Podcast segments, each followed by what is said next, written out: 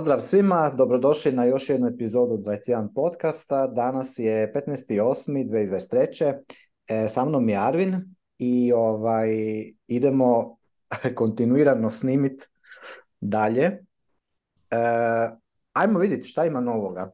Jesi ovaj, kakav je tvoj pregled? Da ćao Pavo, ćao Pavo, ćao svima. Samo da evo na početku kažem nešto sam sad malo pre rekao i Pavel, drago nam je da imate komentar komentare na ove video. Drago nam je da gledate ove podcaste. Mi ove podcaste pravimo kao neku vrstu kako da kažem, svetionika, nekog mesta na koji možete da, eto, dođete, uvek će biti tu da poslušate, da, kako da kažem, budete među ne mora isto mišljenicima, ali bar među ljudima koji razumeju šta je, ovaj, šta je ova nova snaga koju je Bitcoin dono. Tako da Ako nas malo nema, bit ćemo tu, vidite, mi nismo ni otišli nešto na odmore i samo da vam napomenem, molim vas, mnogo znači to, ako nešto komentarišete, slobodno recite šta tačno bi možda hteli da čujete u podcastu ili koga bi možda hteli da čujete u podcastu, pa možda možemo da pozovemo te ljude. Obično tako počinje Pavo sa ovim obraćanjem našoj ekipi. tako je, jesi ti imao nešto ovaj, e, za ovu nedlju?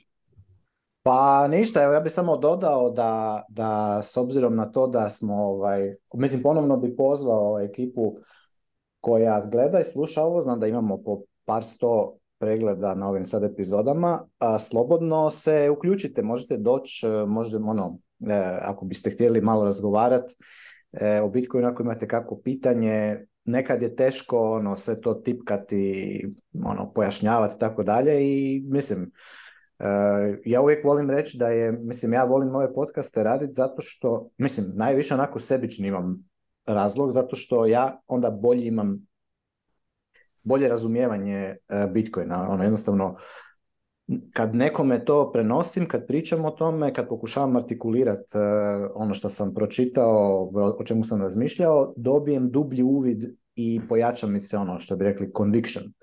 E, u cijelu stvar, što je onda bolje za, za bottom line. Tako da, ono, ako hoćete izgraditi jači, jače uvjerenje i je bolje razumijevanje Bitcoina uh, i onda dobiti e, dobre benefite uh, number go up tehnologije, ono, uključite se u podcast. Pomoći ćete sebi, a i nekome drugome ćete isto možda neku stvar koju ste vi tako artikulirani na taj način, možda baš nekome to ono sjelo, jel? je, postoji puno različitih načina kako se može pričati o Bitcoinu, hoćeš od tehničkih do ekonomskih, financijskih, kako god ono, aspekata, termodinamičkih, e, to ono, samo treba uzeti malo... Kriptonarhističkih, nemoj to zaboraviti. ako ste za tu, tu stranu, antidržavnu, kao što sam ja i tako, možete s te strane gledat, možete gledat da je to Neki čak kažu da je to nova religija, neki kažu da je to ono... Jel ti misliš da je religija, a? Ma teško, ali... onaš, rules not rulers, tako da, mada ok, da. to da. jeste neki kako, jel, oblik religije. A je oblike, mislim definitivno ono, uh, utječe na, na ljude utječe kakav novac koriste. On mislim, ako, ako koriste novac koji gubi vrijednost s vremenom, onda se generalno počinju ljudi se, ljudi se onako ponašaju više kratkoročno, ne razmišljaju toliko u budućnosti, zato što je budućnost vrlo neizvjesna i ono, imaš uvijek osjećaj da, da nekako, da ono, ne, da se staviš na pravu stranu, a čuj, kad koristiš čvrst novac koji ono, stječe kupovnu moć s vremenom, onda počneš i razmišljati o budućnosti drugačije. Mislim, to je zato, zato i govore ljudi da je Bitcoin religija, jer, jer ljudi se počnu mijenjati onda iz počnu eliminirati neke poroke koje su imali možda prije, počnu živjeti zdravije, zato što vide, vide bolju budućnost. A, tako da ono, može biti, zašto ne? Ali dobro, mislim kome. Na kraju krajeva to je samo ono, komad softvera. Pa samo da dodamo da pričamo i o religijskim stvarima onda. Kada je u ovom da. Pošto su izgleda na YouTube poštrio taj neki svoj kako, algoritam koji skida ovaj, Bitcoin blogovi razgovore, tako sam bar čuo na Twitteru, mada ja, moj YouTube izgleda i dalje isto. Da.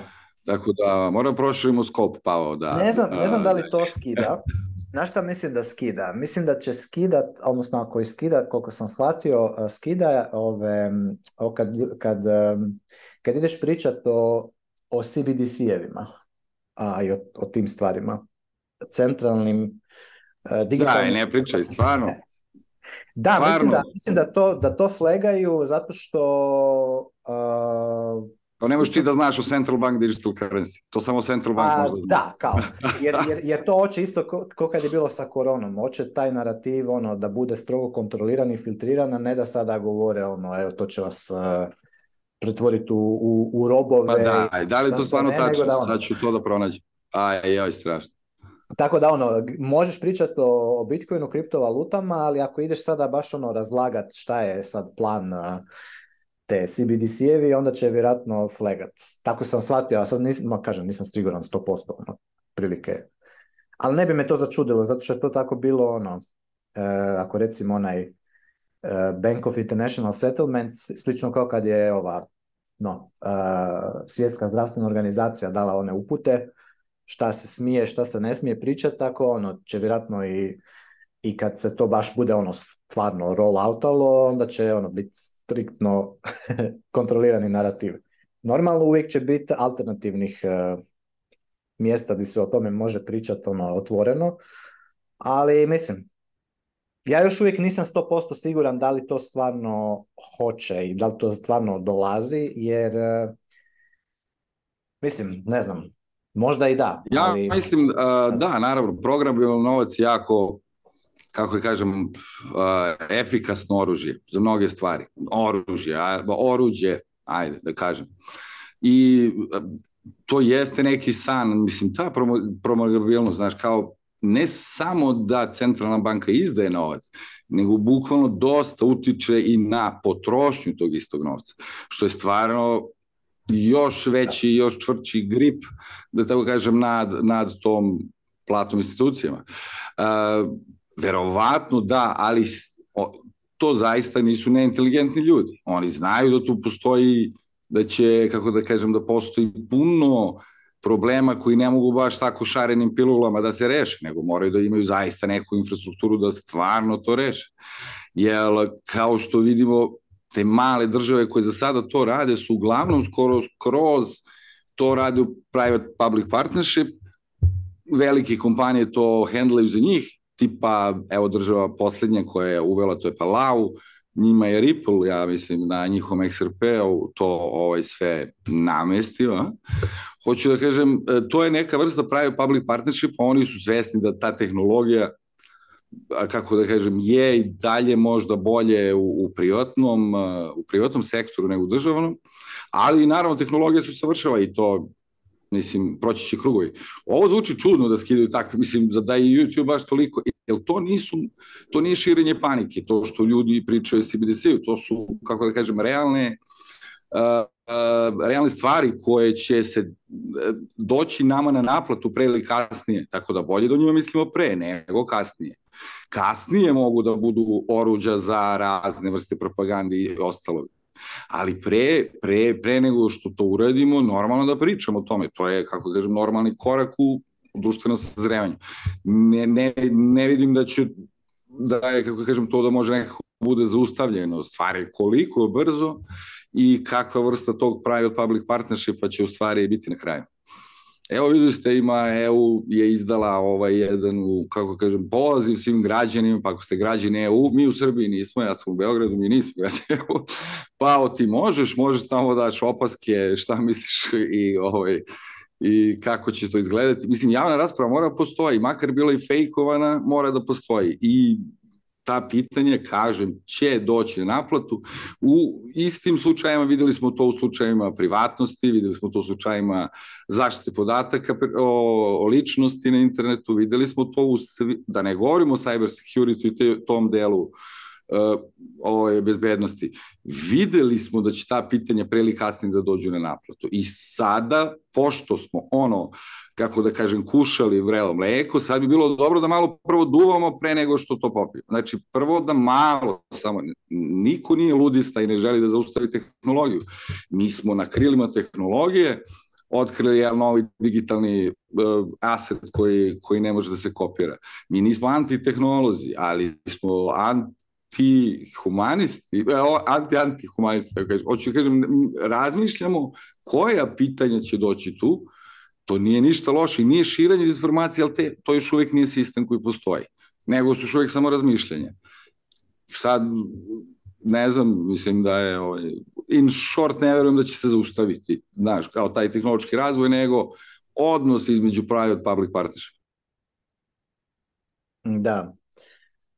Ma ne znam, mislim, to ti već znaš moje mišljenje o, o pa, public dijelu tog e, partnershipa, taj public dio je za u mom dubokom uvjerenju jedna velika kriminalna organizacija koja je jednostavno um, šta god da radi, radi loše. A, ovaj... Ja nemam to uverenje. Ti verovatno govoriš o par država možda. Tako da nisu ne, sve države ne, ja, ja govorim o bilo koje države. Bilo, o bilo kojem entitetu države koji, se, koji sam sebe financira uh, otimanjem i kriminalom. Jer uh, po meni su porezi krađa, uh, li, o ti e, zakoni o zakonskim sredstvima plaćanja su, su ono ekstorzija kroz inflaciju i, i sve ono što država onda gradi na tom na toj na toj bazi je kriminalno po definiciji nekakvih prirodnih prava i svega drugoga, jer e, bez obzira, opet što uvijek volim ponoviti, bez obzira o tome, o tom na, na to što ljudi individualno koji rade u, u tim silnim institucijama i tim državnim, paradržavnim ovaj, agencijama i tako dalje, nisu ljudi individualno loši, niti imaju loše namere, to su normalni ljudi koji u velikoj većini koji žive svoj život i tako dalje, ali govorim o sistemski institucionalno e, tako da me, za mene je opće koncept da država uh, kroz, kroz primjenu sile uh, upravlja i manipulira cijenom novca na, na, na, na tržištu je, je kriminalna kao takva, tako da šta god onda oni rade, bez obzira koliko god imaju dobre namere, su sve iz toga slijedi kriminalno. To ti ono, ko da uzmeš Ko da tebi sad neko provali u, u tvoj stan ili u kuću, ukrade nešto i onda kaže, e sad ja sam to tebi ukrao, ali ja ću s tim nešto dobro napraviti, ja ću s time, ne znam, napraviti e, vrtić za djecu. Pa sad, e, onda je to dobro. E, to nije. U mojoj koncepciji nije moralno, nije dobro i ne samo što nije moralno i nije dobro, nego i radi poremećaje e, signala cijena na tržištu zato što, zato što ono, re, ima, ima niz, niz tih e, efekata nakon, nakon toga, tako da Kažem, hoće li se uvesti CBDC kao javno-privatno partnerstvo, hoće li neka privatna firma izgraditi tehničku infrastrukturu za to, pa će onda opet država s svojim uh, represivnim aparatom to nametnuti ljudima. Um,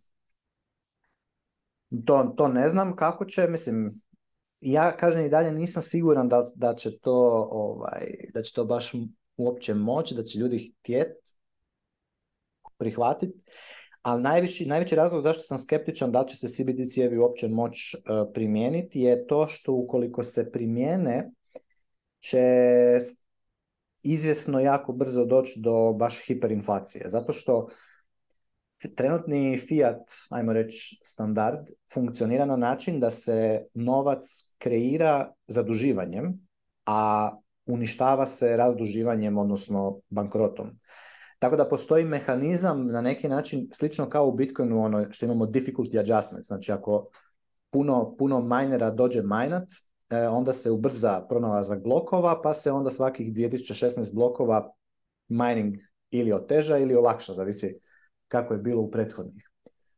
Na vrlo sličan način na fiat, u fiat standardu kada se, kada se kreira puno duga, a, kreira se, uveća se ono, novčana, novčana baza, uveća se jednostavno količina novca u opticaju i ovaj i naravno da se uvećaju i cijene dobara i usluga e, zato što je veća novčana masa ali isto tako se dogodi e, jedna velika misalokacija kapitala odnosno dogodi se jednostavno kri, ono, krivo investiranje jer je, jer je poslan ono, signal koji nije zapravo u tržištu poslan je signal da postoji više kapitala nego što je zapravo a, prisutno. E, to je slično kao da imate recimo, ne znam, a, stadion nogometni na kojem ima recimo 10.000 mjesta i sada vi možete 10.000 ljudi može doći i, i gledati utakmicu, ali ako vi napravite 20, ako vi prodate 20.000 karata, ne možeš, ono, ti dalje imaš 10.000 mjesta, ti ne možeš, uh, ono, ne možeš, ne možeš fitat 20.000 ljudi u stadionu 10.000 10.000 sljedećih mjesta. Kad se dogodi, kad se novčana masa uveća u fiat standardu, dogodi se misalokacija kapitala, započne se više projekata nego što ih se zapravo može dovršiti i to uh, završi onda u tom poslovnom ciklusu u bust, znači u bust fazi, gdje jednostavno firme počinju propadat i počinju e, gubiti svoju tržišnu poziciju zbog toga što su misalocirale kapital. Ne samo firme, nego i države jel, koje to rade. I onda idemo u tu bust fazu. A u bust fazi kada, kada firme bankrotiraju, e, se novčana masa uništava. Tako da zapravo mi nemamo ono konstantan samo rast inflaciju. Zato, zato mi ne nemamo još hiperinflaciju, osim u nekim zemljama, jel? Zato što ipak postoji mehanizam gdje se monetarna baza uvećava, uvećava, uvećava u tom periodu, uh, ajmo reći, ekspanzije uh, u poslovnom ciklusu, ali se onda zbog misalokacije kapitala se počne, se počne kontrahirati monetarna baza. A, ali ako dođemo sa CBDC-evima, gdje doslovno centralna banka, to je bilo kao u Sovjetskom savezu, Gosbank, ako centralna banka direktno printa, baš ono, ne da, ne da kreira novac zaduživanjem, nego jednostavno ga kreira, eto tako ono, dodjeljuje ono, doslovno ko, ko printer, a, to instantno onda u, a, e, ono, ide u hiperinflaciju jer nema tog mehanizma da se, da se monetarna baza, da se jednostavno novac kontrahira. Ko, znači sad se kaže, sad se kontrahira novčana masa otplatom kredita ili stečajem, bankrotom ali kako će se, kako će se kontrahirati monetara, ko, ko, će reći uh, e, Europskoj središnjoj banci ili ne znam kojoj, uh, ono, trebate smanjiti novčanu, ono, kako bi rekao, to, to jednostavno, to će biti ono, to će biti brza hiperinflacija, ako se uvede. A ovaj, tako da ne znam baš da će se, mislim, nisam siguran da li, da li to mogu. Ono, ja bi više volio da se, da se nastavi ovaj Fiat standard ovakav kakav je sad, tako da se polagano ono, demonetiziraju e, obveznice, vrijednosti, e, vrijednosti dužnički, dužnički papiri, monetizacijom Bitcoina, da se to demonetizira i da se na taj način polagano rastavljanja. Kako, kad da. čujemo da Amerika jednostavno, bez obzira što im padaju bonus, nema veze nikakve, oni će to da naprintaju, ne mogu oni da nemaju dug, da imaju dug. Čuli smo izjavu sad koja je bila na TV legendarno. Tako da, eh, šala, da. Pa mislim, neće, e, gledaj, znači sigurno, evo baš sad ono, ako malo gledamo makro situaciju sad zadnjih e, par tjedana, ono to nije baš...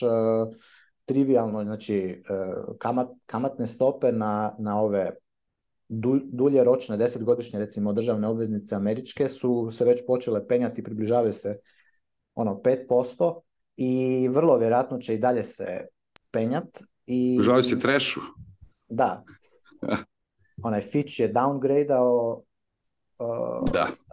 kredit rating Amerike i nisu baš, e, čak i u mainstream medijima, New York Times je neki dan imao članak da se ovaj, kao ne, ono, da nisu ni bonds više toliko, znaš, kao safe. Nas u čemu treba da se štedi, mislim, da. šta da kažem. Znaš, Orange coin, Orange, Orange coin, coin doing da, well. Orange coin. Tako je, tako. izađete izađite iz, iz državnih obveznica, uđite u Orange Coin i s time ćete napraviti uh, e, lijek za... Moramo da za... da kažemo ovo nije finansijski savet mislim.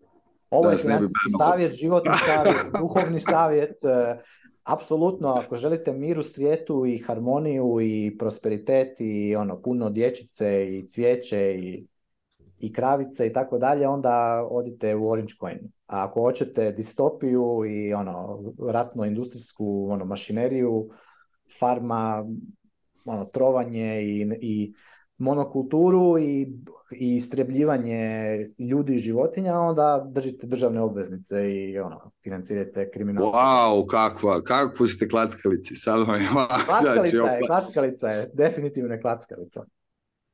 Da. Sving pendulum na koju će stranu dođe ovaj, a umeđu vremenu ako ćete da crtate ordinals, to mm. možete sada kako hoćete, ima instrukcije Coinbase-u, ima instrukcije ovaj, Hive, veliki Miner, Minerski centar, ovaj, da, uh, Hive, ovaj, Mine je u suštini su kao ono, počeli neki program gde kao ob, mhm. obučavaju ljude kako to da rade i šta i oni su voljni da razviju Ordinals kao kao neki news projekat ovaj, na Bitcoinovom blockchainu. Tako da ko vas to zanima, eto, možete to da pogledate. Znam da je Pavel protiv Ordinalsa, ja nisam, tako da slobodno. Mislim, kao što znate, mi ja i Pavo se ne pripremamo za ove razgovore, mi samo sedmo i pričamo o Bitcoinu. Tako da možemo da bude različitih mišljenja, ali Orange Coin je zajednički imenitelj. Da, nisam ja protiv, mislim, protiv ordinalca nisam, to je, neki ljudi rade šta, šta hoće. Ovaj, nek se to je, to, je, to je po meni stvarno... Nek se igraju ljudi, ja volim sve te da. sva ta tržišta dodatih vrednosti, sve da, te da. magijske, religijske, umetničke stvari, po, one podmažu rastu, kako da kažem, svesti o, o Bitcoin. Da. Jer da, e, use je, case je zaista, ona kako kažem, neka stvar koju možda prečesto pominjamo, ali sa magije oko toga treba se razvije. Umetnost, neka unutrašnja naš, kako kažemo, osjećaj, da li to dobro ili nije, na koju stranu zaista želite. Neki ljudi ne žele možda ovu vrstu suvereniteta, ali neki ljudi su prepoznali da je ovo kako da kažem, jedinstvena prilika da možemo da, dok se još kroz nije taj sistem pretvorio u, u nešto drugo, da možemo da utičemo njega, da imamo rešenje možda koje je malo ispred, uh, ispred tih problema koji će da dođu. A to da. rešenje da. je 8 pager. Da, da, da, da, mislim,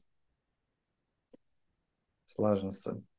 Nego htio sam, htio sam ovaj, spomenut uh, da, sad sam baš evo, čitam tu, uh, ko se ko sjeća, no dobro, nije to bilo tako neki veliki, ali svejedno. Uh, prije par tjedana, par mjeseci je, je bila ona priča da Apple nije htio na iPhone-ima dat ovom onaj Damus app za Noster koji je da, imao... Da, njihovo, da, App Store u da, da, stvari traži, ima, mora da se naravno e, dobije Pa kao da ne može, nije money transmitter, pa se ono svi uključi, čak i ovaj Jack Dorsey, tako su ono, pritiskali Apple yes. da se prestane s tim i, i izgleda da su ono, odustali u Apple od tog. Samo, I jedna, jedna stvar isto, druga je da je i Evropski sud do, pokrenuo prilično obiman proces oko toga, antitrust uh, sud koji, kako da kažem, ima prilično čvrst, uh, čvrst case, čvrst ono, za sada na papiru, da je ta poslovna praksa diskriminatorna i da će to verovatno nekako zbog bremena uh, ako ćemo, eto, zbog tih nekih i sudskih presuda,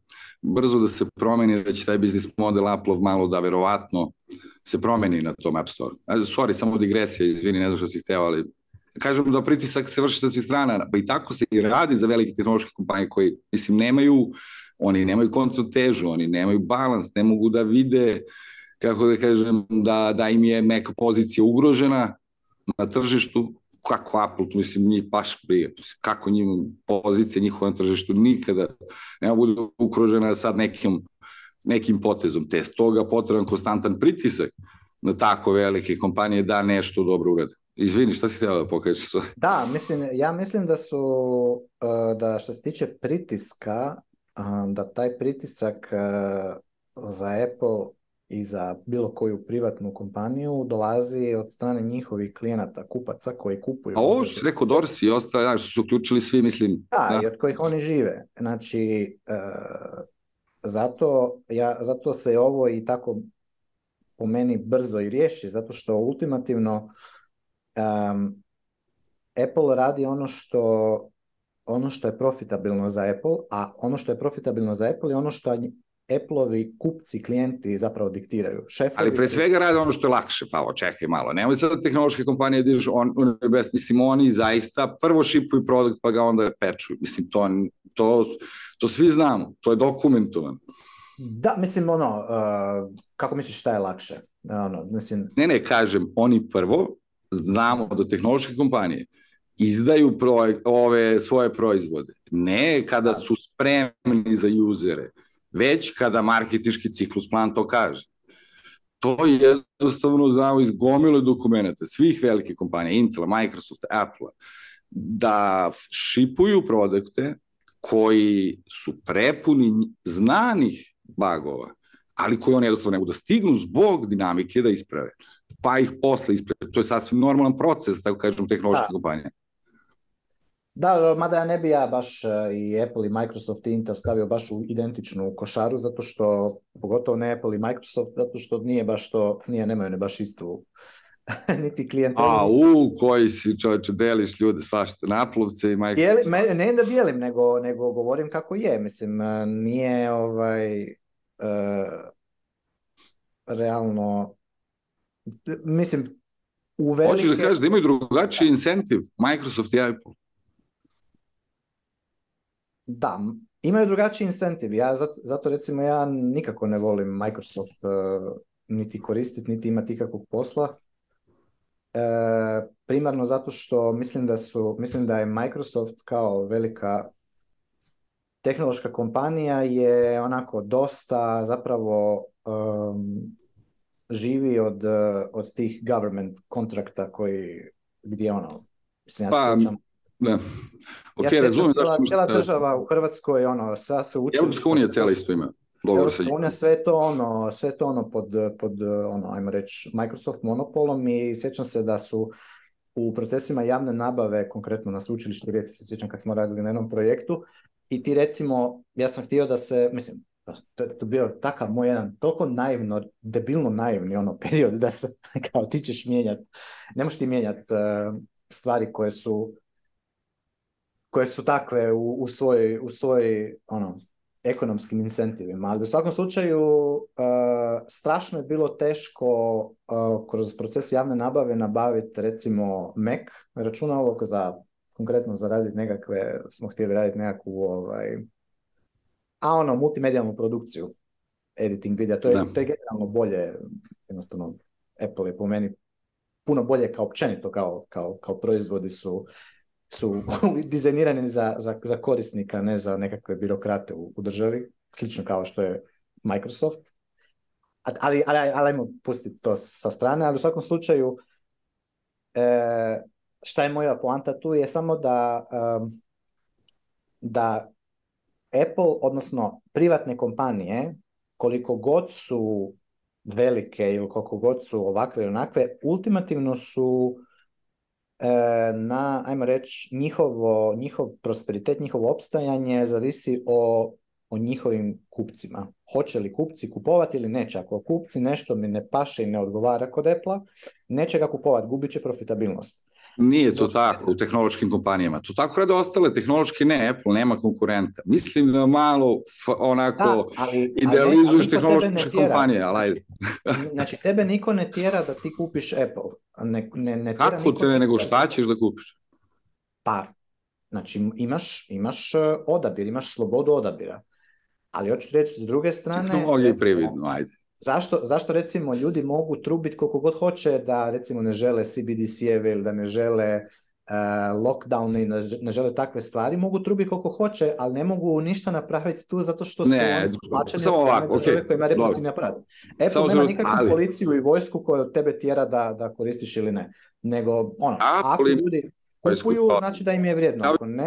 Ne da poraste, odmah ih kupuju to nisu, mislim da je malo idealizuješ što kao, kao da su inače kompanije sa konkurencijom kapitalističke. Nisu, oni kupuju sve, stavaju na svetu svaku tehnološku kompaniju koja malo praste.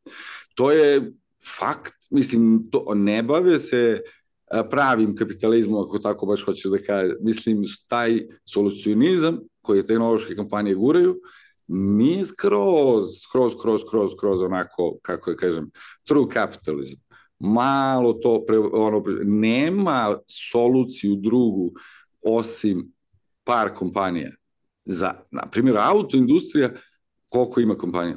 Jel ih ima 50? Jel, ih ima, jel bilo nenormalno kad smo počeli da vidimo da u stvari sad ima četiri? dok je svaka država imala svoju fabriku automobila, to je jel, bilo nekako, nekako konkurentno i onda se moglo o tome što ti kažeš. Pa dobro, ali, kada ali počinju ti... globalizam, ti... E, tehnologija, Da, kako nemaš? Pa imaš puno kompanija koje proizvode osobna računala i mobitele, kako ne? Mislim, ono, ima ih puno. HP, Dell, ne znam, a, i ono, ima ih, e, Samsung proizvodi ono, nije, Sony. Mislim, to su, ima i koliko hoćeš, samo što uh, ono, što ono što Apple radi drugačije, mislim, ali to je nasljedstvo Steve'a Jobsa, po kojemu duši, mislim da on bio dobar, jedan dobar ovaj, uh, lik, ali ovaj je ono oni oni jednostavno rade proizvod koji e, je i hardware i software i rade ga sa sa, ajmo reći, gledanjem na ono, user experience krajnjeg kupca, ono, obsesivni su oko toga i, i to je to. A sad, sad, da li je to, da li oni opet, da li, ako oni imaju monopol, što ti kažeš, po meni, isto recimo jedna stvar koju, ono, volio bi malo, ono, educirati ljude koji slušaju, monopol, nema ništa loše u monopolu uh, koji je dobiven slobodnim trži, slobodnom tržišnom utakmicom. Ako ono, monopol. Problem s monopolom je kad ga država enforsa. Znači, to je problem. A nije kad ga privatne kompanije enforsi, to još kažeš. Ne mogu, privatne kompanije ne mogu enforsat ništa. Znači, one tebe, znači, ti tebe, kažem ti, tebe niko ne tjera zakonom da ti moraš kupovat uh, Apple. Tebe niko, tebi Apple ne dolazi i ne oduzimati tvoju imovinu uh, kao što to radi država, pa da bi onda financirali Apple research development to. Ne, nego ako hoćeš dođeš, kupiš iPhone, E, ako si ga kupio, znači da si ga Malo. kupio. Ako nisi kupio... Ali evo, zamisli ovu situaciju, izvini što pravi, zamisli ovu Ajde. situaciju, da pa ti kaže moraš da dođeš u školu i elektronska nam je škola i moraš da imaš Windows. Evo to kažu mo, mojom detetu sada. E pa znači, to, ja to nisam... Govori, please, govorite to... Samo trenutak, please. Da. I zamisli da tebi sud kaže u četvrtak ti je suđenje, moraš da dođeš Fiatom. Mislim, to je takva vrsta, ne, ne mislim da, da pa malo... To je problem u državi i škol, državnoj školi. Je državna škola... nego Apple izdaje totalno zatvoreni tehnološki projekt. I zato je on dobro za usere, zato što je totalno zatvoren, što niko ne zna šta se dešava iza.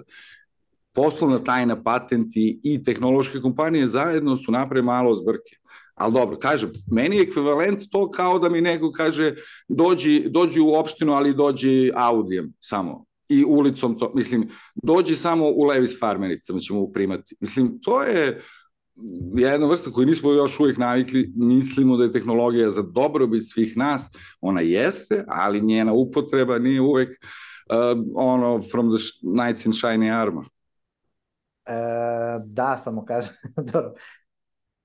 Znači, ako tebi ako je tvoja škola, državna by the way škola, koja se financira iz poreza iz inflacije, tako? Znači, to smo već videli da je sama krim, kriminalan je mehanizam financiranja te škole i tako dalje. I ona ti još kaže, i sad ćete vi morate koristiti tu Microsoft, jel? To je problem. Ali nije problem ako Apple kaže mi ćemo napraviti ovakav proizvod, hoćete ga kupiti, nećete ga kupiti, izbor je na vama. Nikog vam se brani. Znači da je škola privatna i da je rekla, gledajte, mi u ovoj školi koristimo, ne znam, Microsoft ili Linux ili Apple operativne sustave, ako vam paše dođite, ako vam ne paše ne, ne dođite, ali to je naše, to je ono ko restoran. Mi imamo u restoranu menije ovo, hoćete doći, nećete doći. Ako dolazite, ako, ako ono, mi ćemo dobro poslati, ako ne, nećemo dobro poslati, morat ćemo nešto promijeniti. Kod države je problem to što nema toga mehanizma. To stalno pokušava naglasiti. Znači, državna škola kaže ne, vi morate koristiti Microsoft, zato što smo mi tako napravili, zato što se neko namazao na tim višim razinama u, u, u javnoj nabavi, javnoj nabavi, ja kao javno nabavljamo, otetim, otetim novcem javno nabavljamo softver za opremanje svih tih škola i svih tih ono, sveučilišta. I tu se, by the way, masa ono koruptivnog novca se ono ode u sve te različite ono, segmente i ono, šta bi rekli, kriminal je to, čak i nije tako visoki kriminal kao ono najviši dijelovi države gdje se pravi kriminal i pravi, pravi ono, pranje novca je kod države oko tog perpetuiranja te, te mašinerije sile Jel? Znači ono što je Fiat standard je zapravo mašinerija sile. Znači najveća, ono gdje se najviše novca uh, oduzima i gdje se najviše destrukcije kroz državu radi je kroz financiranje vojske policije. Znači pogledajte američki vojni industrijski kompleks, koliko se tamo... Ti baš hoćeš da nam zatvore podcast, jel to? Neće nam, za... zašto bi zatvorili? Šta, se pa moramo... Pa, pa većina ljudi koja, koja, koja, koja to gleda, pa neće niko reći, ne, ne, to nije tako. Ili, mislim, da. ono, možda, ti... možda neko misli da je to, ne znam... Moramo da bajdujemo. Ja. ja sam siguran da 99,999% ljudi da im kažeš, e, slušajte, mi želimo sada napraviti e, ono, e, novih, e, ne znam, 20 nosača aviona kojima ćemo bombardirati tamo po Africi i čega god e, nešto i uvodit ćemo demokraciju, by the way, s time daćemo vam to, uh, to, to, to košta toliko i to znači da ćemo svakome oduzeti, ono, ne znam, tebi ćemo uzeti auto, tebi ćemo uzeti uh, e, sa računa, ne znam, pol novaca, tebi ćemo uzeti ovo, ovo, ovo, jer ću treba to nekako platiti. Zato što to ljudi ne vide kako se to plaća, plaća se najviše kroz, kroz devaluaciju novca, koji se onda naravno prisiljava ljude da, da ih drže jer, se, jer postoji legal tender law, i mirovinski fondovi moraju investirati u državne obveznice, zakonom, jel? Prisiljeni su na to. Tako da su ljudi prisiljeni apsorbirati tu, tu, tu, tu štetu kroz, kroz na neki način da ne vide. Iako vide, na kraju vide na inflaciji, vide, vide na gubitku životnog standarda, vide na problemima koji, koji su u društvu, koji nikako ta silna država s tim silnim zakonima nikako da uspijeva riješiti ono. Mislim, ono, toliko, toliko, toliko zakona ima, toliko ima propisa, toliko država je u sveme počeće čovjek bi očekivao ono, ako je stvarno to efektivno, vi trebali živjeti u raju već odavno.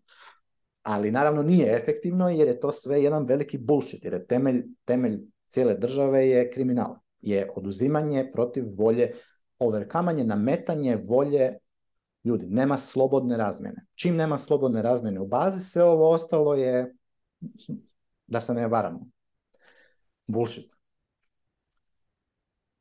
I ono što je, samo da se vratim na Apple još sekundu, i zašto je uopće sve ova, cijela, ova, cijela ova problematika nastala, uh, da se može zepine, upravo zbog države opet. Znači, ko, ka, ko govori da se money transmitter rules, od kuda to, čije je to? To je opet država. Ne možeš, moraš zakonom, moraš zakonom ovo, drž, samo država može kreirati novac, transmitati novac, jer, jer država je. Mislim, zato to... Oču, oču, nekad je družava, nekad je društvo u pitanju. Znači, znači to što govoriš država je nekad u tvojim rečenicama... Država, to smo mislim, mi, je. Nekad misliš na administraciju, ali postoje društvene norme, bez obzira da li su, kako su one sprovedene, da li postoje one koji sprovodi ili ne. Neke društvene norme postoje i znači, to nije Naravno, baš postoje. sve uvijek na jel postoje slabiji, postoje oni koji nisu jednaki, postoje oni da koji ne su da isti u boju. I njih ne možemo da pošaljemo na da ostrvo. Ili... To je... Tako je, postoje društvene norme i koje, koje sama država svojim postojanjem krši. Kako ne? Mislim, društvene norme ne ukradi, ne ubi, ne ovo... E, ne... Kršćanske norme. Jesu državne društvene norme. Šta država radi s time? Tu ono tipa da li je pogodno da hodaš u majici bez rukava, u pe... znaš, kao da šta neka sredina misli. Pa da, da to, to smije... je... Pa- Moru ne smiješ u gradu ili da, to je ta neka vrsta. Mislim da to naravno ove visoke hjerarhije i dalje stoje. Voli bližnjeg svog i to. Mislim, realno civilizacija je napravljena na praštenju, a ne na... Apsolutno, apsolutno civilizacija nije sigurno napravljena na, na, na oduzimanju imovine i, i ono i, i centralnim upravljanjem e, legije birokrata. Sigurno nije napravljena na tome. Civilizacija, civilizacija je napravljena usprkos tome, usprkos tome kroz povijest. U, Svako su... birokratsko tako da mislim da je ova sadašnja birokratska skalamerija isto relativno kratko će trajati kad gledaš ovako zoom out u istoriji ne mislim da će baš tako sve ići ka totalnoj biroktorizaciji, mislim svega. To nije, to se već vidi da nije efikasno rešenje u mnogim, mnogim poljima, mestima. Tako. A da. Pa da, vidi se, da, samo još uvijek je, dobro, je, je, vjerujem. vjerujem Meho, Edo, timeline da, istorije, to će da biće onako mali kratki period, da smo mislili da to može, ali mislim...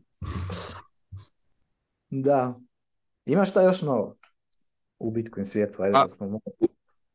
Da, možda da se vratimo u Bitcoin svet i da, mislim kad se sve ovo pričao, samo da napomenujemo ona važna, važna pravila i ona, znate, ona pitanja i odgovore. Kad slušate ili razmišljate o Bitcoinu, who should I trust, kome da verujem? Odgovor, nobody, nikome. A, to je tako. Da li će Bitcoin da umre zbog? Neće. Ok, ništa. Ne očitate to. Da li prodam i kad prodajem? Ne prodaješ. Eto, to su neke osnovne stvari, to da podsjetimo ljude, isto nije loše. I to je to. Da. A o, ne znam da li si video ovu, ovu sjajnu strategiju, a pričali smo malo i o tome ovo što je radio, što je radio uh,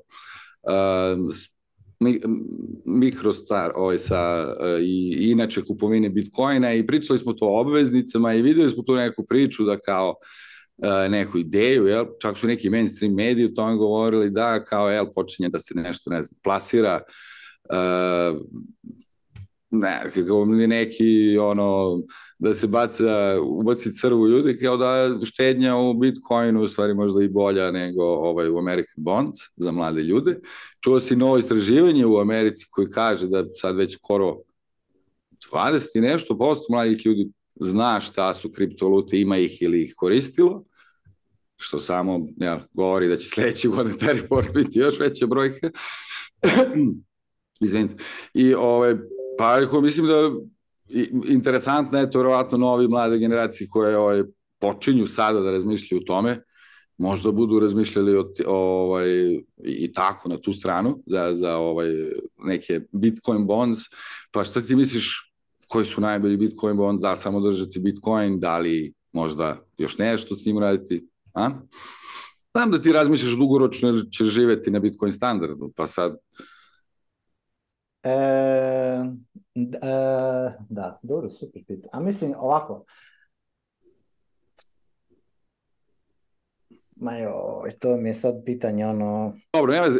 Hoću samo reći da se pa poveća uopšte na mainstream medijima, videli smo i New York Times u časopis, onaj, jel, kao čuveni, da. da kažem, centralistički časopis US, koji je pri, objavio neke, ovaj, neki članak koji počinje sa kao, ok, Bitcoin is, is here to stay, we were stupid, sorry. Mhm. Nešto u tom fazonu. Tako da, malo se možda na tom velikom tržištu novca kao što je US menja u tom smeru, uh mhm. -huh. pa rekao da li ti ovaj, opšte ono, znaš ili možeš ili hoćeš da daš bilo kakav savjet u vezi toga da li, da li ono, postoji neka vrsta Bitcoin bonds ili kupiti Bitcoin pa ga držati u svom custody. Da. Zato, basic... mislim da, to je, mislim da je to dosta individualna stvar Mislim da je dosta individualna stvar sa ljudima s kojima sam pričao do sada, uglavnom um, je ono nekakav moje ono trenutni stanje i razmišljanje oko tih stvari je da e, kod, kod puno ljudi um, kod zapravo najveće većine ljudi koje sam do sada upoznao i koje sam upoznao s Bitcoinom i nekako ih ono, ajmo reći, nagovorio da se da uđu u to i krenu. Sad ovako kad gledam, um,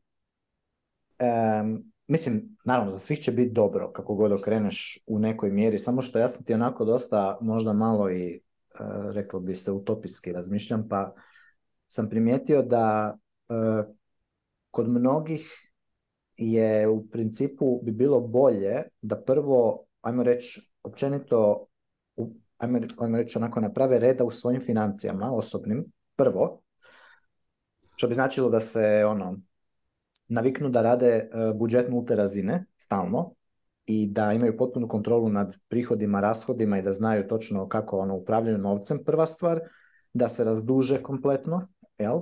da nemaju nikakav dug na, na, na svojoj bilanci, i da onda tek, eh, da onda tek uđu u Bitcoin, eh, ali da onda ne da uđu onako, šta bi rekli, ono malo, kad ideš eh, na more, pa malo prstić samo onako u more jer ti je hladno. Ne, nego da uđeš do kraja, da naučiš da naučiš onda da živiš sa tim, s tim visokovolatilnim novcem ne, koji je drugačiji. Ono, da, e sad, ali to je opet, te, ono, doći će to s vremenom, sve će to doći s vremenom i na kraju vrijeme je najbolji, najbolja stvar u, u cijeloj priči, jer Uh, da, li ne, da li, je za nekoga dobro uh, e, investirati u Bitcoin bonds ili da je, da je za nekoga dobro investirati u Bitcoin mining kompaniju ili recimo ne znam nešto još ili još bilo šta što, što je rizik preko, preko same volatilnosti Bitcoina. Ja imam svoje mišljenje o tome A ovaj, ali moje mišljenje o tome proizlazi iz e, savjeta koje dajem ljudima oko generalno postoji redoslijed kako da ti prvo postaviš svoje financije, da razmišljaš o njima na, ajmo reći, ispravni način, na mudar način. I recimo, evo, ja da, na primjer, sada gledam da li bi ja, na primjer, investirao u, u nekakav um, u nekakvu Bitcoin mining kompaniju ili u bilo kakvu, bilo šta investirao, u neku dionicu, ja bi a, u kontekstu da to bude do trećine moje ukupne imovine, do trećine vrijednosti ukupne imovine koju bi rekao da bi to trebalo biti, znači do trećine ukupne imovine biti trebalo biti u kapitalu, tom kapitalu. Kapital je, su, su sva sredstva koja imaš koja čiji je cilj da proizvode cash flow, da proizvode prihod. Znači, ako ti recimo imaš trećinu svoje ukupne imovine u kapitalu, pa u kapitalu može biti u tvom vlastitom biznisu, ako se baviš čime god da se baviš, recimo da si automehaničar pa imaš svoju automehaničarsku radionu, trećina tvoje ukupne imovine bi mogla biti, do trećine bi mogla biti u, u, u tvojoj automehaničarskoj radioni. Tvoj omiljeni nemaš... user Da, ili može, ali može biti da, da, da, da ono, da, da, da to bude, da ta trećina imovine može biti raspoređena u razne investicije koje ti isplaćuju nekakve dividende, prihode, koje su opet, to je kapital. Ali ja recimo Bitcoin kao takav, ja njega, ja njega ne gledam kao investiciju, kao da je to nekakva, ne znam, nije to za mene dionica, to je novac. To je visoko volatilni novac deflatorni, ali je novac, on je likvidan, on je likvidan mu 24, on nema rizik, e, nema, nema taj, nema te rizike koje imaju kompanije, koje imaju equity. Equity rizik je nešto drugo. Znači, bilo kakva kompanija može sutra goes out of business, ona propasti. Ako uložim u nekog, u nekoga koji da ono da pokrene nekakav posao, uh, ja moram računati da on ono to sutra, sutra dan iz bilo kog razloga taj to, to može ići zi, to zero, jel? Uh, dok Bitcoin je novac, mislim ono nije ovaj i, i, hoće još jedna star kapital, odnosno ono ulaganje u, u kompanije, ono nije tako likvidno kao što je Bitcoin likvidan. Znači ima veći onaj buy bid ask spread. Znači ja recimo već dosta vremena ne mogu samo tako naći kupca za svoj udio u jednoj nišnoj maloj kompaniji koju imam, kojega bih htio likvidirati. To nije tako jednostavno. Jednako kao što nije jednostavno e, samo tako prodat nekretninu. Moraš naći kupca za koji baš hoće tu nekretninu koju ti imaš za prodat. I ono, i i možeš ima dosta velike razlike između one cijene koju ti pitaš i tražiš i one cijene koje kupac e, spreman zapravo platiti za to što ti e, prodaješ. A kod Bitcoina taj spread je tight jer je hoću reći, jer Bitcoin je ono u price discovery konstantno 0.24 365 dana u godini i ja Bitcoin tretiram kao novac i gledam ga kao ono e, dio bilance koji, koja, s kojom budžetiram. Tako da um, individualno je full. I onda ovo još pitanje što si rekao, da li držati u, svoj, u svom kastodiju ili ne, to je isto pitanje koje nije uopće tako jednostavno ko šta mnogi bitcoineri ono prasnu, ta samo 12 riječi zapiši pa to ti je to. E, ovaj kad ja. smo... E, da, A, izvini, izvini, završio? Samo ne, sam ja sam kažem, probao tako, ali to nije tako jednostavno. Znači ja kažem, evo, da samo zapišite tih 12 riječi Da, dobro, i šta onda kad zapišem tih 12 riječi, šta je to? I onda zaboravim na kraju. Desilo evo, se više puta. Evo, evo jedan podsjetnik, zato sam teo da kažem. Da. Ovo, ovaj, uh, e, Jameson Loop, čuveni Bitcoin core developer i jedan onako uh, kako da kažem, uticajan čovjek u, u Bitcoin svetu je proveo posljednje četiri godine a, testirao je 70 uređaja za seed phrase, a, tako da a, imate ogroman članak, evo sad ću da podelim to da, da ovaj, pogledate, imate ogroman članak sada o tome na njegovom blogu ili na Twitteru, njegovom vratu možete da nađete ako, ovaj, uh mhm. -huh. ako ga pratite. Ovako jedan ludački kripto, anarcho kripto ovaj, vodič, kroz a, bukvalno s, a, skoro sve vrste ovaj, tih uređaja kojima možete da čuvate seedwords. A, vidite, testiraju uređaje titanijuma, od laserske ingravirane i ostale, a, stainless steel, titanijum su ovaj, vidite da u stvari mnogi od tih proizvoda baš i nisu najbolji koji se ovaj, u stvari prodaju na tržištu. Evo ovo je ovo je ona čuvena cev, jel, sa, sa, koji je prilično poznat ovaj Storić. I evo, on je 20 tons of pressure i evo, kao što vidite šta se desi sa cevi, prilično low entry, ono vrenčki je tak. Ali data is intact, but the tube can't be unscrewed i njeno unutrašnje ne može se otvrti. Onda je zaista ovako razne te jel, uređaje, kako to, kako to uraditi i šta ovaj, evo naj, najbolji je ovaj primjer jednog isto jako jednostavnog napada, to je elektrolizam. Malo duže traje, ali je prilično low effort i vidi kao što vidite ima super rezultate na ovim pločama. I ostalo onda preporučuje kako možete da sakrijete svoje podatke, da nema da bude samo decimalno ili samo binarno, mislim hex, ostalo možete da koristite. Ja tako da James Loop, ja ga volim, puno on je jedan libertarijanac totalni, totalni slobodnjak. Ako želite ideje razne, ovaj, dobre, zapratite ga i ovaj, loop.net i njegov website na kojem ovo možete da nađete Ima i druge neke vodiče tipa Bulletproof Bitcoin, gde je pucao u te stvari pa da vidi da li kao... Hoću da kažem, ja, ono nešto što vam prvo pade na pamet, onako najgluplje vrste napada na ove na, na ove proizvode koji se reklamiraju kao neka vrsta long long run store ili neke ono dugoročnog naučenika, da tako kažem.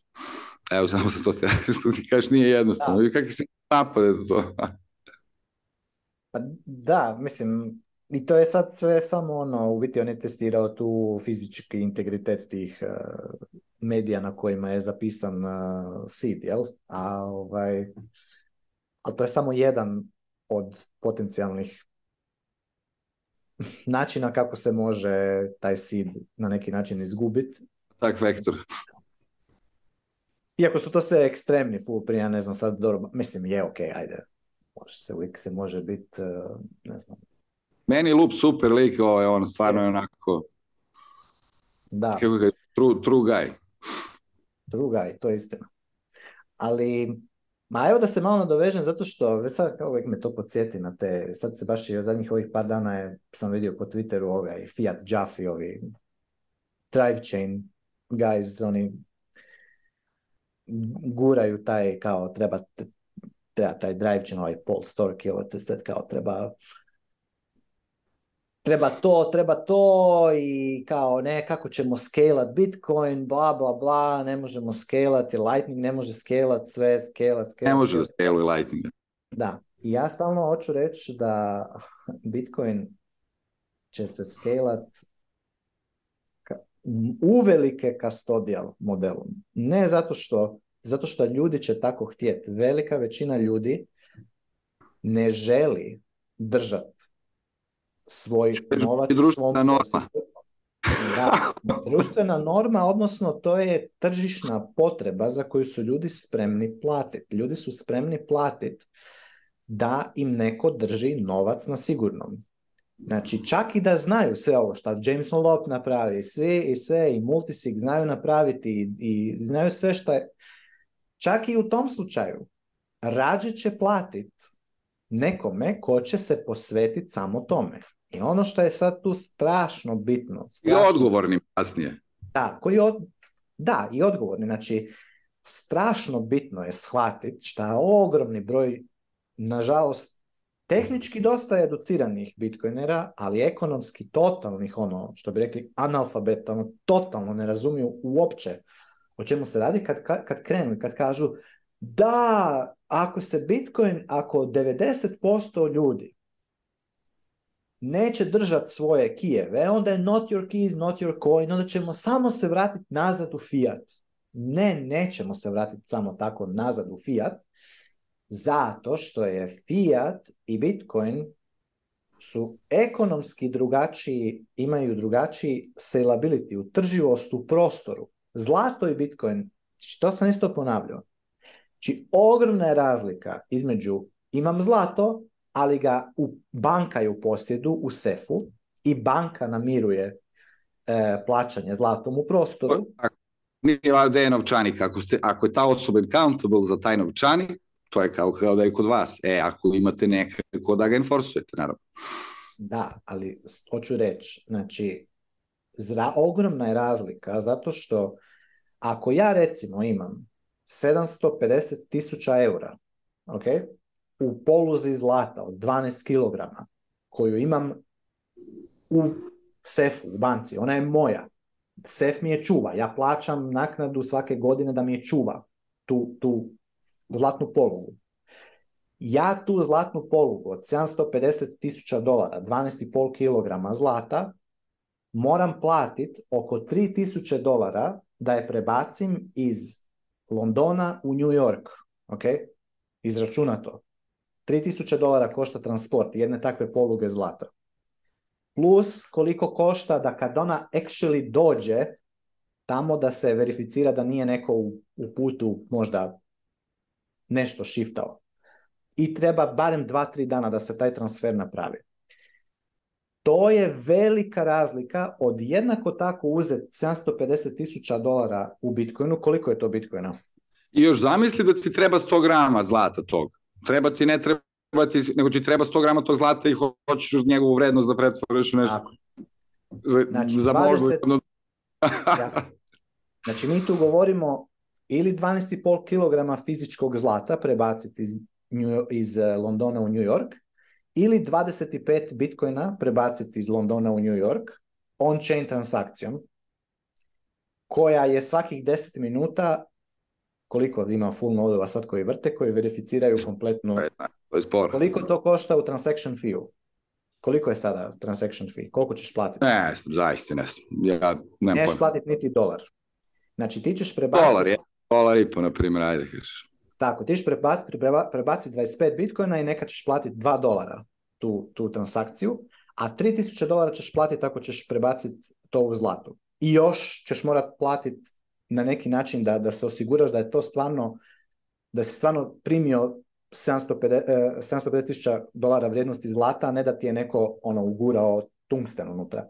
To košta puno više. Znači da čak sada da 100 puta uvećamo transaction fee u Bitcoinu, da, se, da platimo umjesto 2 dolara 200 dolara tu transakciju, opet uspoređujemo 200 dolara sa 3000 dolara. Da ne govorimo o tome da ako želiš poslati 100 puta veću količinu vrijednosti, znači ne 750 tisuća dolara, nego 75 miliona dolara u zlatu, onda ćeš, ono, kako ćeš, ćeš poslati 12,5, znači to je 1000 tonu i 200 uh, zlata, odnosno 125 to je 12, tonu i 250 kg zlata ćeš poslati. Koliko će te to pak koštat? Znači, ta cijena se skalira ono eksponencijalno.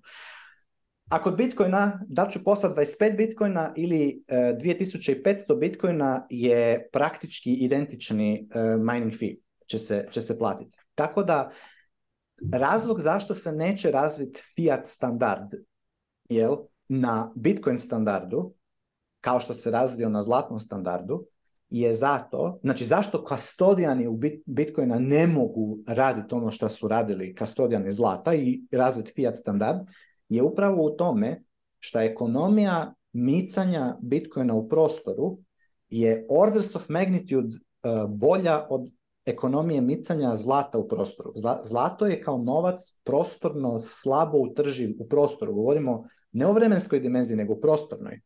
Znači, fiat je puno jeftiniji za micat. Puno je meni jeftinije poslat milijun eura iz Londona u New York fiatom, zato što se samo prebaci ono, če, šta je čiji kredit. I ta informacija se prebaci. Dok kod Bitcoina se ne mora samo prebaciti informacija, nego se može prebaciti sam bearer asset u prostoru brzo i jeftino. Za upravo ta činjenica prevenira kastodijane da uopće da izdaju certifikate za, za, za prebacivanje. to isto sam ponavljao više puta, a opet ću ponoviti. Zašto ne postoji Binance Bitcoin? certifikat. Zašto mi ne tradamo Binance Bitcoin certifikatom i onda idemo na Binance i konvertiramo ga nazad u pravi Bitcoin? Kao što je bilo prije u zlatnom standardu. Zato što to, niko, to, to, to se ne radi, nema potrebe. Ili ćeš, ili ćeš withdrawat Bitcoin sa Binance ili sa Coinbase-a u svoj posjet, na svoj wallet, gdje ga ti kontroliraš, ili ćeš ga držati u, u, kod kastodijana, gdje ćeš onda moć unutar kastodijana slati primat uh, sa drugim uh, članovima tog kastodijana instantno praktički i free. Znači ja mogu Binance, u, u binance poslat nekome Bitcoin, on ma instantno for free. I taj neko može withdrawat Bitcoin sa, sa Binance-a. I sad opet, neko će, da, ali Binance može da, reći da ima više Bitcoina nego što zapravo ima. Može, ali tržište i jednostavnost i ekonomija povlačenja Bitcoina u svoj posjed je tako jaka, tako je asimetrična prema, prema krajnjim korisnicima u smislu da ga oni tako jeftino mogu uzeti Bitcoin u svoj posjed, da ako bilo ko, kogod to ide radit, jako brzo će dobiti run on the bank. I zato je ono što je budućnost Bitcoina. On-chain i lightning scaling i čak i sidechainovi scaling. Sve gdje, sve gdje mi Bitcoineri, ono što smo mi zaronili duboko u te sve, ono, kako se, šta, koji su trade-offovi i tako dalje, ništa to po mom dubokom uverenju 90% ljudi uopće neće o tome razmišljati. Oni će razmišljati o tome koliko imam novaca, kako mi je to najlakše čuvat, ako, se, ako je iznos, ako se radi o većem iznosu koji mi je nelagodno da ga sam čuvam, čak i da ga znam čuvat, imat ću niz različitih opcija gdje mogu sa za različite cijene platiti da, da, ih to, da ih to čuvam. U bilo kakvom modelu. Slažem s tobom, da, to je. Sigurno je kod stadijal model. Mislim, ne, to je jednostavno tako. Da, i nema ništa loše u tome. Znači, nema ništa loše i, i to smo mi, mi smo jako, uh, nažalost... Ali samo e, da nema ništa loše u tome u ovom što pokušavate ovo kao sa ovim metalnim pločama i to. Ja, kao i u prošlom podcastu sam da napomenuo, važno je da postoji i ta opcija koja u ovim drugim slučajima nije postojala. Jasno. Ja, ti uvek, znači, ta opcija, sama činjenica da opcija postoji, da ti možeš ići ono, kompletno trustless, znači nećeš nećeš, niš, nećeš niti Ma zašto bi uopće kakav hardware wallet? Nećeš nikakav hardware wallet. Imaćeš... Trust nobody. Tako, build from the source, sve verificira, trustless, kompletno, ono, Faraday cage i nećeš nikoga da ti slučajno ne bi nigde, odi tamo u planinu negde, tamo ćeš generirati seed i entropiju ćeš brojat zvijezde, ne znam, neki random, ono, bacat ćeš nekakvu, ono, pjesak tamo. Nećeš ništa, nikome vjerovati. Možeš i to za relativno cheap.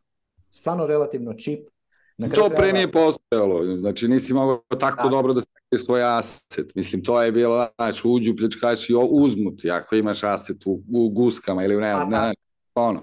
Hoću da kažem da eto, za ovo neko novo doba postoji još uvek, da kažemo, način da vi to hendate, sad koji ste nivo paranoje, to je, ali custodial servisi postoje, da, sigurno. Da, ali želim reći, ne, čak ni ne morate imati nekakvu veliku razinu paranoje, baš zbog toga što... O, se Mislim, da, da, kažem, ono, ko, koji možda i neko ima malo, ajmo reći, ja sam čak, i, čak na neki način, nekad kad vidim razine koje neki bitcoineri ono idu za te, ajmo reći, paranoiziraju oko kako, kako ono storaju bitcoin s jedne strane, ali s druge strane paralelno na isti, isti taj čovjek ono ima, ovaj, ne znam, 40% bilance mu je dug. I on, ali on, oh, tamo sad tu neki ono, e, cypherpunk i haker, ja sad tu ono, ne znam, engravam eh, u Titani svoj seed, a s druge strane ono, jedan, jedan eh, ono, fiat standard ga može onako krašat ko, ko, ko, ko, ko žohara uh, e, sa, sa s tome da, da mu ono, banka može roknutu koja mu izdala kredit, veća banka uzme taj kredit, ono, i ka, a, da, kolateral nije više ne vrijedi, dajte vi nama, vratite vi to nazad. Ajmo mi reprogramirati kredit po novim kamatnim stopama i čovjek, ono, može mu se cijeli život, iz, znači, treba tu, ajmo reći, po meni malo prioritete, ono, razmisliti kako ih složiti na jedan mudar način, jer e, ono, ne, ne treba obsesivizirati e, oko, oko, oko, oko tih stvari. Naravno, treba ako imaš, ako stvarno imaš ogroman iznos Bitcoina, ako si iz nekog razloga ono, nakupovao se Bitcoina tamo, nemam pojma ko je ono, još dok nije Mount, Mount Gox vremena, možda trebaš e, paziti, ali čak i tu isto Ja da, spominješ da, pa on go... Lupdaš, e, over, over inženjerao svoj, svoj setup, ono. Mm, ne znam, mislim. Na Ili traži po opcijama kompjutera iz 2010. Pa a, češljajte hard diskove. češljajte hard diskove, da. Ali da, ma dobro, mislim, kako da, god. Da.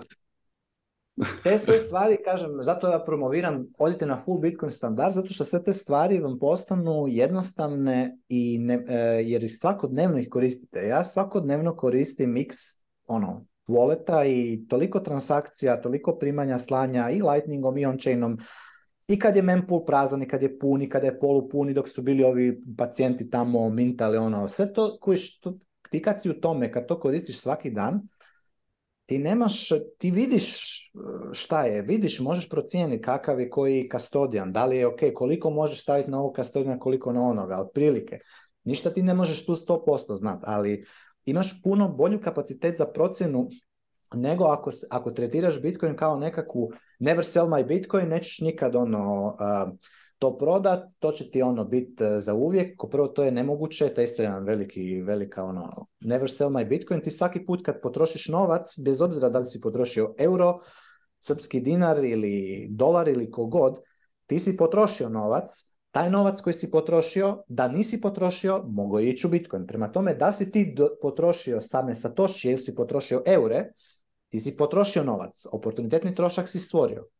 I ista stvar, e, ja sam dignuo kredit, a i onda sam s njime kupio Bitcoin. Ne, ti, si, ti nisi ništa pametno napravio s tim. Ti si samo povukao budući novac, by the way, koji je ujedno, zato što je u budućnosti neizvjestan. Znači, ti si svoje neizvjesne buduće prihode povukao u sadašnji trenutak, s njima si kupio Bitcoin i sad misliš da si nešto jako pametno napravio. Nisi. Istovremeno, moj, moja velika preporuka ljudima je da ako već imaju postojeći kredit, da ne kupuju Bitcoin, nego da prvo maknu se od kredita, da zatvore kredit, da se razduže i da onda stekaju Bitcoin. Jer ako ti imaš kredit i stekaš Bitcoin istovremeno, to je isto kao da si dignuo kredit i kupio s njime Bitcoin. Odnosno da radiš leverage trading. Ne samo da radiš trading, nego radiš leverage trading. Efektivno. I, a to su stvari koje vidim da mnogi uopće ne, ne razmišljaju o tome, ne, ne, ne, ne gledaju na, na, na to. A to je istina, znači, realno to je tako. Šta, šta, šta ja sad mogu tu reći kad je tako? Velika je, ono, mislim, hoću reći, toliko smo rano, toliko je to sve skupa još uvijek, bez obzira, sve to novo, da još uvijek će se takve ono lude situacije događati. Mislim, meni će biti samo ono totalno ludilo gledat E, kada se ovo otvori ovaj BlackRock ETF-ovi, kad ste ono stvarno ti veliki ono flowovi, kad ono odemo na, na ono, six figures i up uh, Bitcoin i kad opet se budu dešavale iste stvari, opet će biti ono pump, pump, pump, opet će biti ludi ono sajklovi, opet će se ono leverage, leverage idemo ono za mortgage your house, buy Bitcoin ono. Jučer gledam na Twitteru neko, neki lik, jo, meni mislim ono slabo mi je došlo radi u ovom Al- Albi. I on napiše kao, to je sad neka ta ono, grupa bitcoinera sad koji su otkrili ono kao, sad će on ono, on će abuzat credit card company, znaš, on će kupio je neke kao, ide kupio je neke shoes za 80 dolara, ali je to four installments kao, no, no interest, no fee kao, i on je sad to četiri puta po 20 dolara, a kako sam ja pametan, ono, zašto ja sad ne bi ono sve tako napravio. Pa što nije to super? Kuš ja ono, pff, znači ne moram ništa. I onda mu ovi ovdje, ja sam mu rekao ne, nemoj to raditi, mislim, nemoj to raditi ono. Nemoj se, nemoj se aklimatizirati biti dead slave, jer nije ti dobro za, niti za tvoje financije. Kredit taj biro radi, što se više zadužen, manja ti ka, mislim, kako da kažem, što više koristiš kreditnu karticu, to više možeš pa da koristiš. Veći kredit score, jel? Faj, onaj, FICO score. E, da, da. Jer, a, a mislim, joj, meni je... I, i pazi, što je najsmješnije, što je najsmješnije, takva ekipa će se ono, o, CBDC, katastrofa, katastrofa, katastrofa. A stari moj, ono, meni izgleda da će ti ljudi ono prvi progutat CBDC. Jest. Da, zato kažem da je to mnogo, da, mnogo više izvesno upravo zbog toga što si sad rekao. Tako je, jer će mu reći, slušaj, frende, znači ti si tu zadužen do guzice, izvoli ono, ili ćeš CBDC ili ćemo ti ono, ili letiš van iz, iz te kuće koja ti je ono, hipoteku, hipoteka na kredit i auto i sve to što si by credit cards, max tis, sad si ti jako pametan, ono, ti sve, ne, evo ti, hoćeš nećeš, ili si CBDC i ono, kornea, retina, display, šta ja znam kako će te već identificirat, eh, ono, kettle tag će ti staviti. Ja mislim da će oni puno tih ljudi koji misle da su sad jako pametni s tim, će ono to na kraju obje ručke prihvatiti jer eh, ili to ili, ili, ili ono ostani bez tih eh, stvari na koje si se navikao. Ali to je, kažem, konformističko je društvo koje se pojavljuje sada. Mislim, ljudi, kao kažem, koji dolaze u taj sada posedne novca, transfer novca, jel ta neka generacija uh, koja bi sada kao trebala da malo ovaj, jel, otme te bumerske pare, ali on ih ne daju. O, e, tako mislim da oni malo, kako je kažem, više možda razmišljaju na tu stranu, samo komfora je realno, bez nekog dubljeg, da kažeš, razmišljanja, ajde da ne zvučim prepotentno, ali bez nekog ono, dva, stani pa razmisli principa, nego samo kao wow, znaš, kao sve na klik. Uh, Da, evo vidimo to na primjer sa MPS-om u Africi, to je jedan od najuspešnijih tih ove, ovaj, da kažem valuta koje su jeli, izmišljene na internetu skroz, jedna, jedna virtualna valuta koja je jako, jako popularna u Africi, ako niste čuli MPS, a ona može da se šalje mobilnim telefonom i, i, i inače ostalim ono, elektronskim sredstvima. I jako je tako bila sjajna i, kako da kažem, ono, prilično slavna svugde u svetu, postala jedna jako neefikasna, spora, jako skupa stvar. U, I to je jedan dobar use case kako ovaj, MPS-a, kako je, kako je jedna dobra ideja virtualne valute može da ode u lošem smjeru ako je, ako je centra, onako centralna, centralistička, da tako kažem. E, MPS je ove prošle godine, ja mislim da je sada već skoro 6% ovaj, fi za slanje. Tako da, i kad je u procentima, onda možeš misliti na, za ovo što ti govori, šalješ 17 miliona ili, ili milijardu i 700 ili za tu cifru koju šalješ, da. dogod u proviziji u procentima u odnosu na, ne znam, neku drugu 100 satošija, čak ne znam, 200 gas, mislim šta god, što kažem, dok su u tome, dok su u procentima, to onda poništava ovaj use case koji si malo primao, jel, sa slanjem 100.000 da. ili, ili milioni 700. Jel, ne možeš u tome da mi računaš procenat. Ako, ako je isto, znači nije ti trebao veći kamion da voziš pare tamo ili više ljudi da, da, da. puška da bi ih obezbedio, jel ćeš ih poslati elektronski, znači Znači nisu zaista. Tako da tebi ne pravi razliku da li šalješ to 70.000 ili milioni 700 uh, kao nekom ko šalje, jel? I onda zašto bi meni naplaćivao to više? Hoću da kažem, MPS-a je onako dobar primjer kako je to uh, i dalje je jako velika, samo da se razumemo, i jedna od glavnih virtualnih valuta dole u Africi. Uh, mislim da je u stvari bila prvo vlasništvo neke telekom kompanije a kasnije je onako to je jedno sad konzorcijum u stvari koji, koji radi u Africi. Ali hoću da kažem, mla, mlađe generacije uh, će im biti native, je tako, te sve digitalne stvari, pa, će, pa ćemo, iskreno ja navijam za celu tu industriju oko Bitcoina i custody ovog sve što se spomenuo, upravo da bi taj neki user experience level koji jako loše ide tehnolo, tehnolozima i, i tehno, ono, znaš, ti ljudima, da bi on se ispeglo, da on dođe do tih, kako da kažem, do masovnih dizajnera, user interfejsa i ostalog, upotrebljivih stvari koje ljudi mogu intuitivno da koriste, umesto, ovaj, umesto ovaj, tog nekog anarchopanka, da dođe do toga, tada je naravno onda i Bitcoin standard i sve, i to plaćanje kafe Bitcoinom i tako sve te, sve te neke ideje koje su ostale iz iz nekog starog interneta, ali bi malo trebali da ih prilagodimo novom, novom internetu, jer mislim naravno, na primjer, moji klinici, oni sasvim normalno, mislim, Bitcoin ili digitalno, mislim, to sasvim razumljivo novac, kao što i svako, mislim, ono, uopšte ne prave nikakvu e, zaklone, ne, ne zastanu ni sekundu, ta, tako će i sa novim generacijama. Eto, ovaj, žao mi što je MPS loš primjer, zato što je Afrika ogromno tržište na koje može da se brzo testira sve što se tiče inovacija finansijskih, ali i tehnološki, prilično pismeno tržište, jako možda mnogi misle drugačije, Afrika je prilično pismena, naročito za mobilne telefone i za aplikacije koje su na mobilne, ne za kompjutere toliko, ali za mobilne, da, Afrikancima je mobilni telefon bukvalno jedan od najvažnijih stvari koje imaju.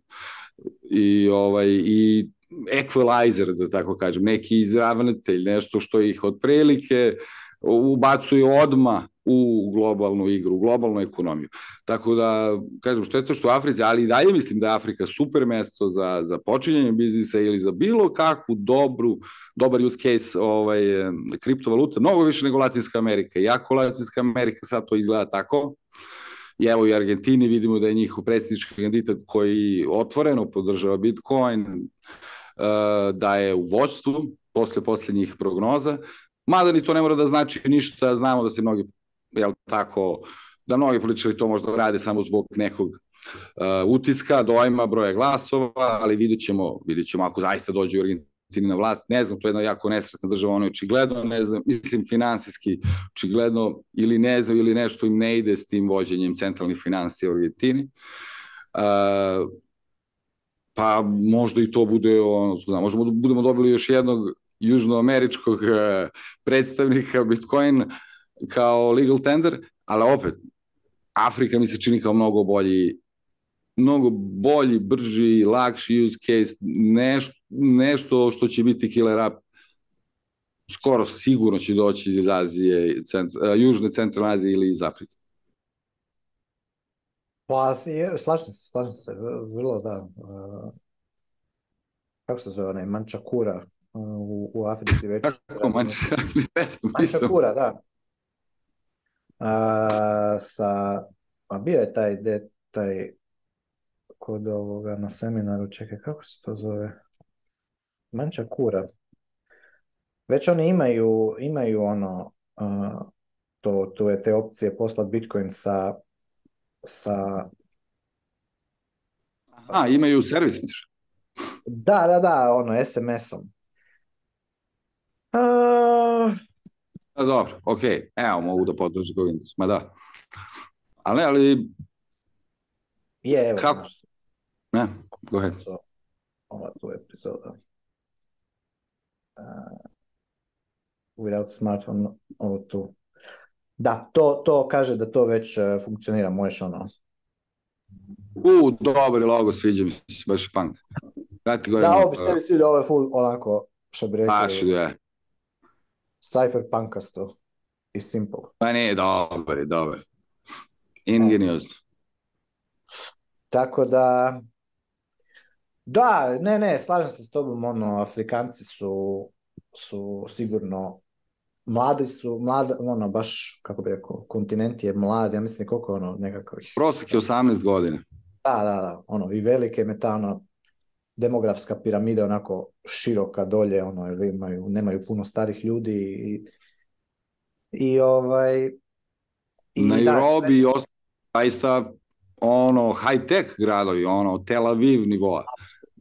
Da, da i mislim da su isto ono full spretni oko, oko tih mobilnih uređaja, ono imaju te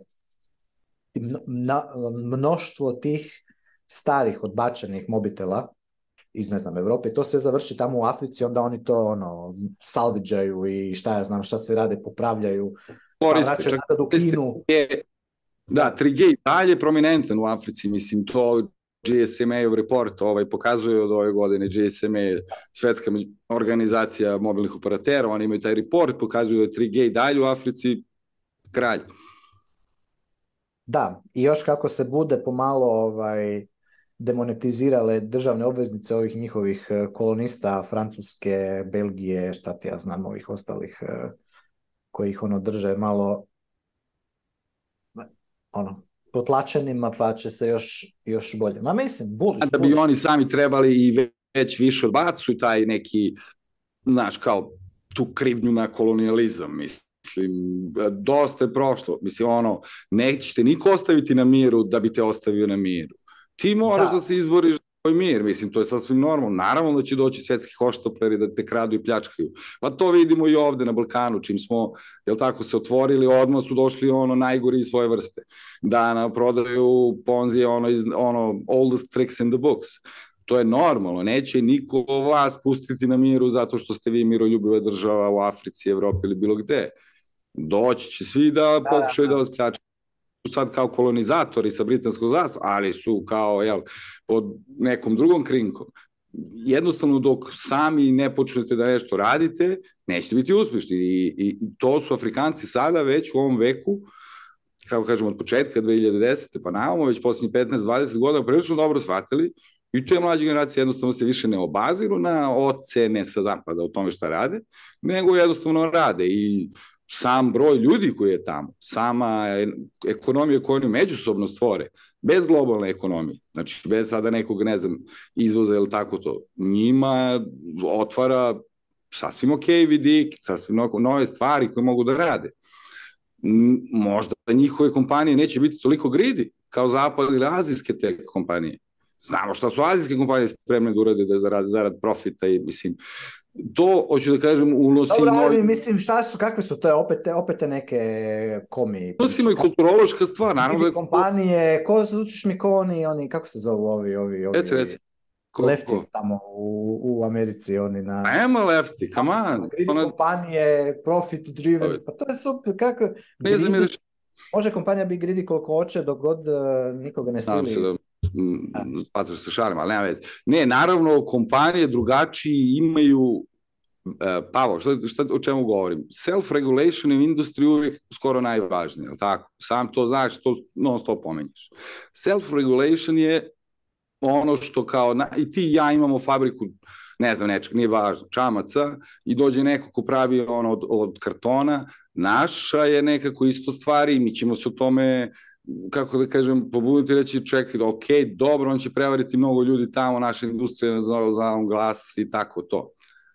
I nekako i sama je, e, industrija postavlja neku regulaciju koja nije država, nego je normalna poslovna. O tome govorim.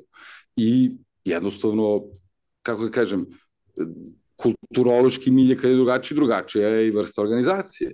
I to vidimo, na primjer, evo imaš u, u, na Bliskom istoku te, jel, kako se zovu, religijske neke ili selam ili ovo, ono, mislim imao neki koji rade da. po principima drugim koji ne jure godišnji profit na svaku, mislim na to mislim, ću da kažem, ili su drugačije strukturirani. Da kažem da neka nova vrsta kompanije može da, da izađe od nas. Na, to, na tu vrstu, mislim, ne mislim na neku klasifikaciju ljudi sad po, po tome. Da, dobro, mislim, evo, ja bi samo još tu, ako koga zanima malo detaljnije o ovim stvarima, konkretno vezano za Afriku i to što smo sad spominjali, tu ima par epizoda uh, koje su govorile o tome da šta je točno interplay Bitcoina, Afrike, bivših kolonijalnih uh, ono, država, kao što je recimo Francuska, pa kako je danas moderni kolonijalizam kroz taj njihov CFA frank, odnosno tu valutu koja je tamo ostala ovaj, predominantna, onda ova tu je ovaj, pričala o tome kako je u Africi e, te njihove e, državne birokracije, kako ono guše, guše poduzetništvo i kako ono, št, koje, su, koji su vrste problema u Africi i zašto ih se, ovaj, zašto imaju um, Zašto imaju problema sa, sa razvojem? Na, možda i najviše problema imaju sa razvojem radi ovakvih uh, uh, radi Svjetske banke i MMF-a i, uh, i ovih ono, krune tih Fiat, Fiat loan sharkova. to je ovo. Da znači tim ljudima, čovječ. Mislim, previše mi daje znaje. Upravo ću ti kažem da su Afrikanci shvatili da mogu sami nedostati. Ali dogod su u tom, u tom, znaš, grču da ja nama ne da, ovaj, mislim, daj bre, šta ti, mislim, znaš, dok god ne odu na full Bitcoin stavljanje ne... Će, da, će financirati i dalje te e, korumpirane e, državne jazavce koji, koji onda rade sa ovima tu i sa ovima tu i onda ono uništavaju uh, uh, dolje. Ali ali ja sam opet buliš eh, što se tiče budućnosti, jer uh, mislim da mislim da je ono uh, inevitable Bitcoin je tu. Bitcoin to se fiksa u svom rutu. 100%. Ako a, kako ono? Ako je, ovaj, ako je problem, Bitcoin ga fiksa. A ako ga Bitcoin ne može fiksa, znači da nije problem. O čemu god da pričamo. Wow, je li ovo, je li ovo neki You Heard It First Here ili je ovo neki prevod? Ne znam, nisam to je, Ne, ne, to, da, ne znam da li je, to je, to, to je onako. Ne znam ko je to točno rekao, ali... Ako je, ako je problem, onda će ga Bitcoin fiksati. Ako ga ne može fiksati, znači da zapravo nije ni bio problem. To, šta god da je već koga Bitcoin ne može fiksati. A, a realno, stvarno, kad samo malo razmisliš i malo ono first principles i malo se zustaviš i staviš, odeš odmotat taj uzročno-posljedični niz i slijed, pomalo, ne trebaš skakat, ali ideš, vidit ćeš da opet puno, puno, puno tih problema o kojim pričamo dođu na kraju na, na, na, na root svoj, kojega Bitcoin fiksa. Kao free free money. Evo moj prijatelj je trenutno u Jerevanu i evo šalje mi sliku upravo. O, lijepo, lijepo. ovaj font malo prepoznatljiv kao da je onaj od... Uh, jest, to je onaj od Bitpe. da? Vuha nije video da je video ovo, Džihan, ne, se Džihan zove on. Da, Džihan. nije video ih, inače bih tužio. Evo, Jerevan, upravo, Jermenija. Ništa, samo trivija. Mislim, dok smo pričali, šalje mi sliku u, chat, pa evo da pokažem. Pa dobro, to je super. Strong. Strong, dobro, ništa, čekaj da vidim koliko je sati, već malo morat ću odjurit, ali... Da li si, evo, samo to da dotaknemo, da li si video, i u našoj grupi su pitali uh, o vezi Valid, Veil ID ili Veil ID, kako se već čita, uh, vrsta novog nekako e, protokola, software, mislim, to je ima i Mozilla Public License, evo ga ovde URL, uh, e, sada su na, na, na ovaj, na konferenciji u, u tre, bila je u, u Las Vegasu čuvena DEFCON konferencija, uh, ovaj, Black Hats i, i ostale. I onako, bilo su ovaj, prilično ima tu isto zanimljivih predavanja, eto, poslušajte malo i to možda, i pričali su o ono, kako da kažem, vrsti protokola jako sličan, jel, kao, mogu se reći, u stvari, jel, nostar kompetitor, ali svaki protokol, opet kažem, dogod je open source internet, svaki protokol je uh, ono može da se koristi i oni su competitors u smislu dajte najbolji proizvod pa ćemo da a?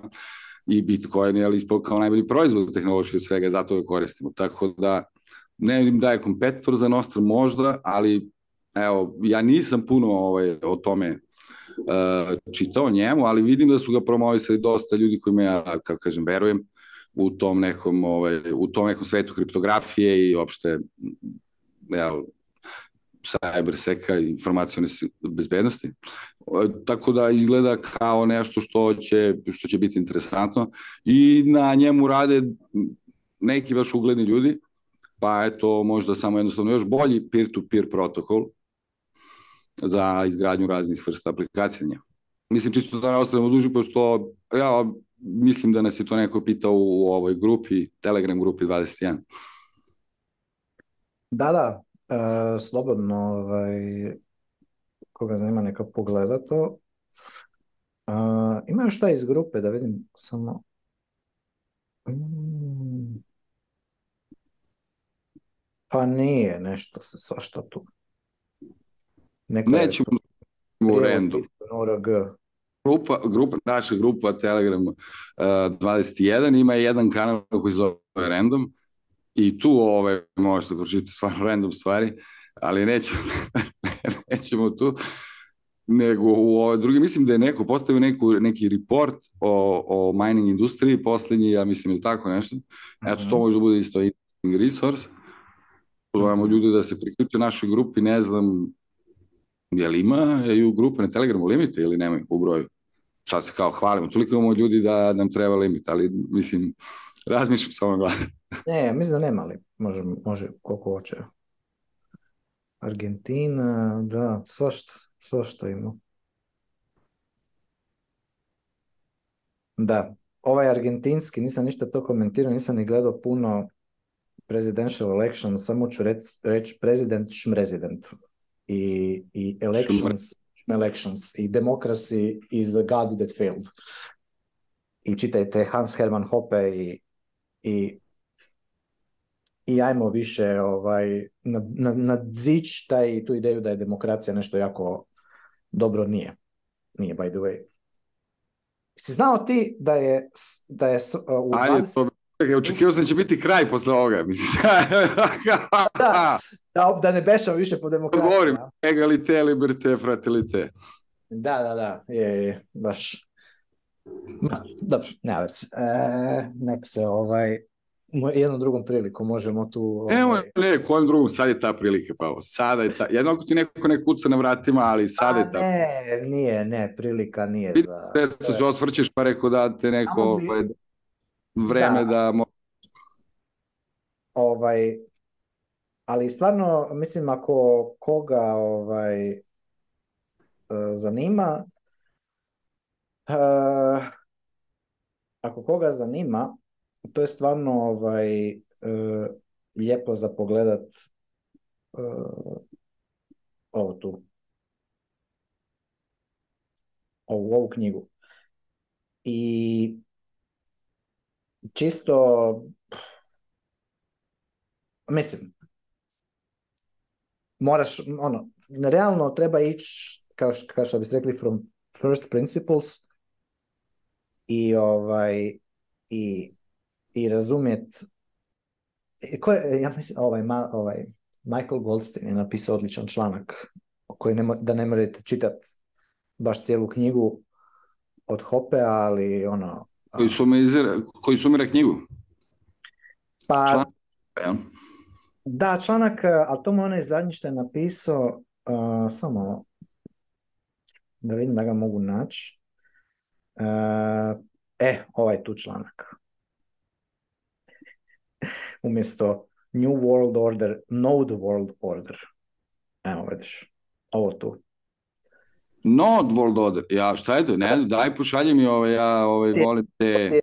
članak, uh, onako ide, vidiš... Te Cyberpunk manifesto, ove članke, daj A, Da, i, I, imati tu ono dobra, zdrava doza ono anarhokapitalizma, ono da ti izlje, da izlječi ono te neke ono statist eh, inklinacije, E, ali i jako, ali vidit ćeš ako budeš išao to čitat, vidit ćeš kako nemaš, jednostavno ne možeš ti sad tu to pročitati i reći Moram to da pročitam sad, pa sad, sad moram i to odmah nisam, sad mi drago što nisam i čim ovaj za sledeći podcast me ispituješ, što hoćeš kaj, paži. Mo, može, evo, evo, ako pročitaš ovaj, ovaj članak, stvarno je jako dobar. Uh, e, Iđe mi se ovaj, Node World Order. Node World da, da i kako je u biti, to je, to je novi, ono, novi svjetski poredak e, koji kontroliraju full nodovi i ono, sloboda i privatna, privatno vlasništvo, a ne nikakvi ovaj, izabrani... Egalite, liberté, fratilite. Da, da. E, bratstvo, bratstvo i jedinstvo, ali kroz e, slobodu. A, ne znam, si, kod nas je ismejana ta tema, ali zaista i sad reći bratstvo uopšte stvarno izgleda već malte neuvredljivo na ovim prostorima, je, ali bukvalno iza te reči, iza te krinke su se skrile mnoge ružne stvari ovde i, i, i da. kako je... Da, Tako da, ali... Ne, to silom. ne, to kao ideja je super. Bratstvo i jedinstvo kao ideja je super, ali ne silom. Ne možeš ti silom, uh, kako bi rekao, sad ću ja silom... Ma da, nešto, nego silom, raspravljamo silom. o tim pojmovima ovde. Kad da, raspravljamo, opet imaju neki bajas ono koji je apsolutno da je divno, rekli smo malo pre civilizacije nastala na praštanju, jer to jeste tako, na forgivenessu i na bratskom odnosu, jedan prema drugi. Lako je napraviti, lako je uočiti lošu stvar, lako je biti nasilan, lako je oteti od nekoga. Uvek ima neko slabiji kojeg ti možda šutneš i da mu uzmeš, to je laka stvar. Teško je biti dobro, teško je oprostiti, teško je biti bratski prema nekome se obnositi, ne na rečima naravno. Mislim, je jel ta reč sad toliko ono isto malo ofucala, brother, brother, ja?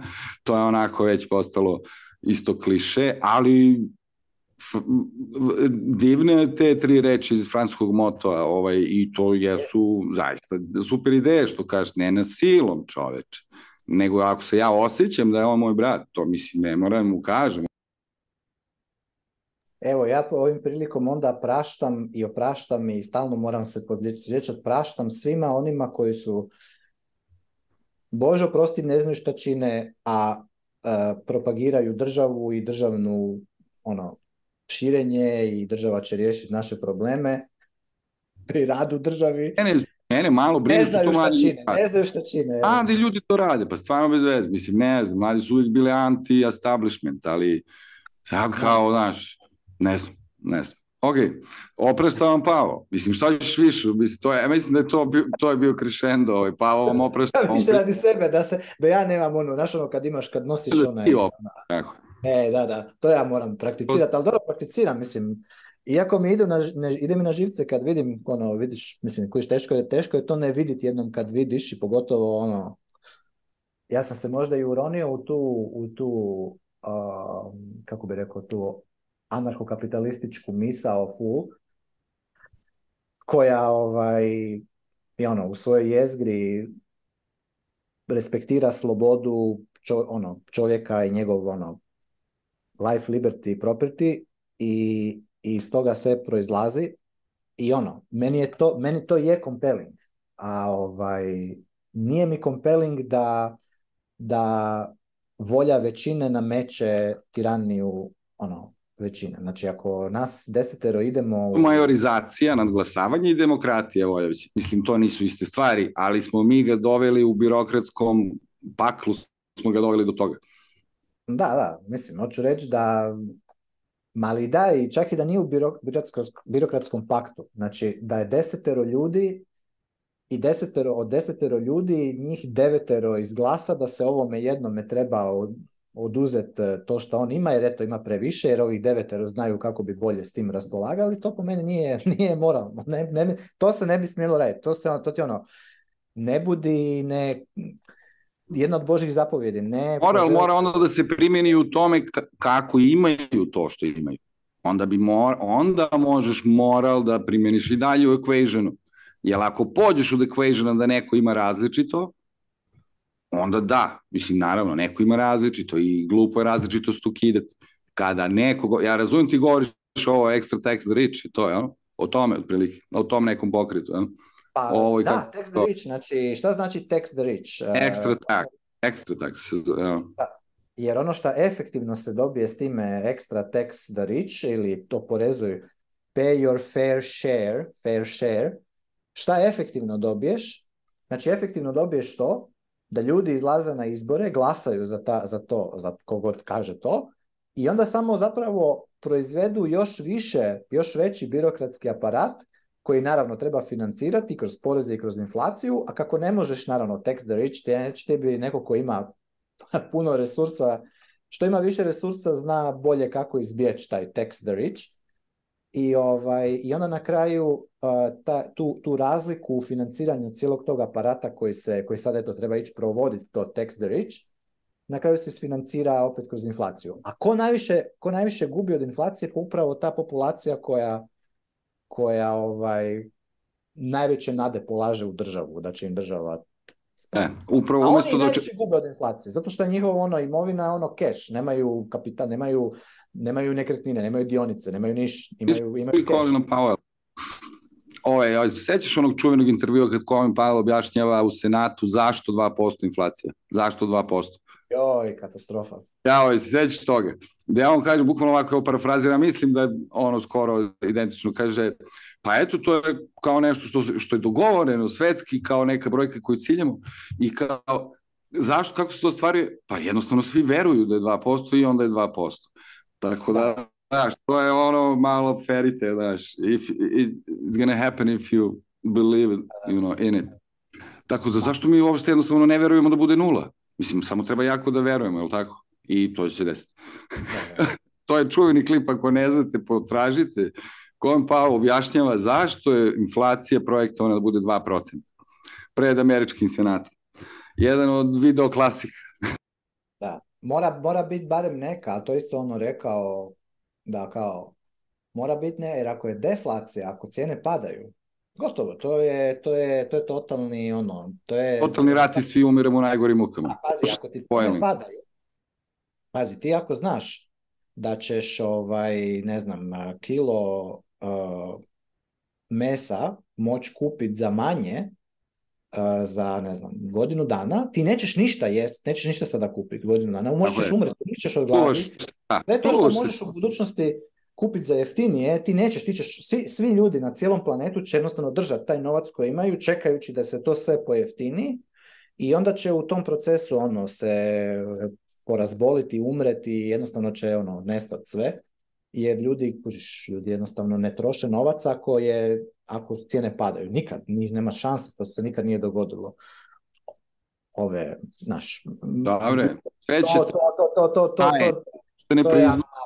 Zato što se čekaju te niske, niko ništa ne kupuje, ni, standstill totalni, zato što svi čekaju da to da, bude... Da, da, da. Znaš, ne cirkulira, da, oni horda... Da, znam, ne znam da li neko primećuje. Da, hordaju i to ti je, to je katastrofa, zato nemojte slučajno ovaj, nekakva štednja, ne, ta, ta riječ štednja to izbacite iz vokabulara najbolje, zadužit se to da, to da, naravno, zato što to je, ono, i možeš to je sve. rast to je rast, to je, to je, to je, vidi, hop, možeš iz ničeg, dobiješ nešto iz ničeg bez rada, bez ičega, samo ljudi dobiješ da, nešto. Ljudi se sada često pitaju kao zašto meni kao moja telekom kompanija ne daje povoljni uslov kao ja sam stari korisnik od njih. Da. Pa njima ne treba zadnje, treba im novi ugovor, treba im ta neko obećanje naredne dve godine. Da, ka, mislim, Naravno, ta, to je dovelo do toga, znači, ljudi su sad ono kao, čekaj, pa zar ja nisam vereni mušterija i sad kao, da, ali ti si, ti si već uračunan tu procenu ba, i ono, prežvakute New York i ono, Wall Street pre tri godine su oni prodavali te derivate tog tvog ugovora. Tako da ti više nisi interesantni, baš briga, nikada ti neće pomenuti bolji. Ja, Trebaju im novi useri koji onda je u balance sheetu znači novo jel, zaduživanje i novi, ovaj, novi derivat koji ono su toga mogu, može da se napravi. Tako da zato vaša da. telekompanija nije briga da li imate dug ugovor I inače sve to paketiranje kojim cela industrija sad ide, pa i ceo tek, ono sve ono, kao na paket, to je, je u suštini ovakva neka vrsta tretiranja korisnika. Joj, dobro smo se zapričali. Niš? Uh, Blaži, pa ovo ne moraš, moram i ja uskoro, pozovemo ljude da dođu u podcast, da ne budemo samo mi ovaj, ovako do dosadnjakovići. Mali kažu ljudi, eto, vole da nas slušaju, hvala vama što nas slušate, stvarno, i, i pišite mi, uopšte nemam predstavu, smo da ko sluša ovaj, dok ne pročitam vaše komentare u stvari. Evo, i ovaj put Arvin ima odličan mikrofon, meni se čini da je super. Nadam se da je bilo sve super, ne znam šta je bilo ono prošli put, ali ok. Kako je ono bila, ona, je to bila pionirska? Svakim danom smo sve bolji ili kako ono bilo? Ja nisam bio pionir, najžalost. Ili na sreću, ne znam šta je. Ali svejedno, svi su oni izdali, jesu. Bili obećali svi, čuvat ćemo državu kao zenicu oka. A, da, da, čuvat ćemo. da, da, da.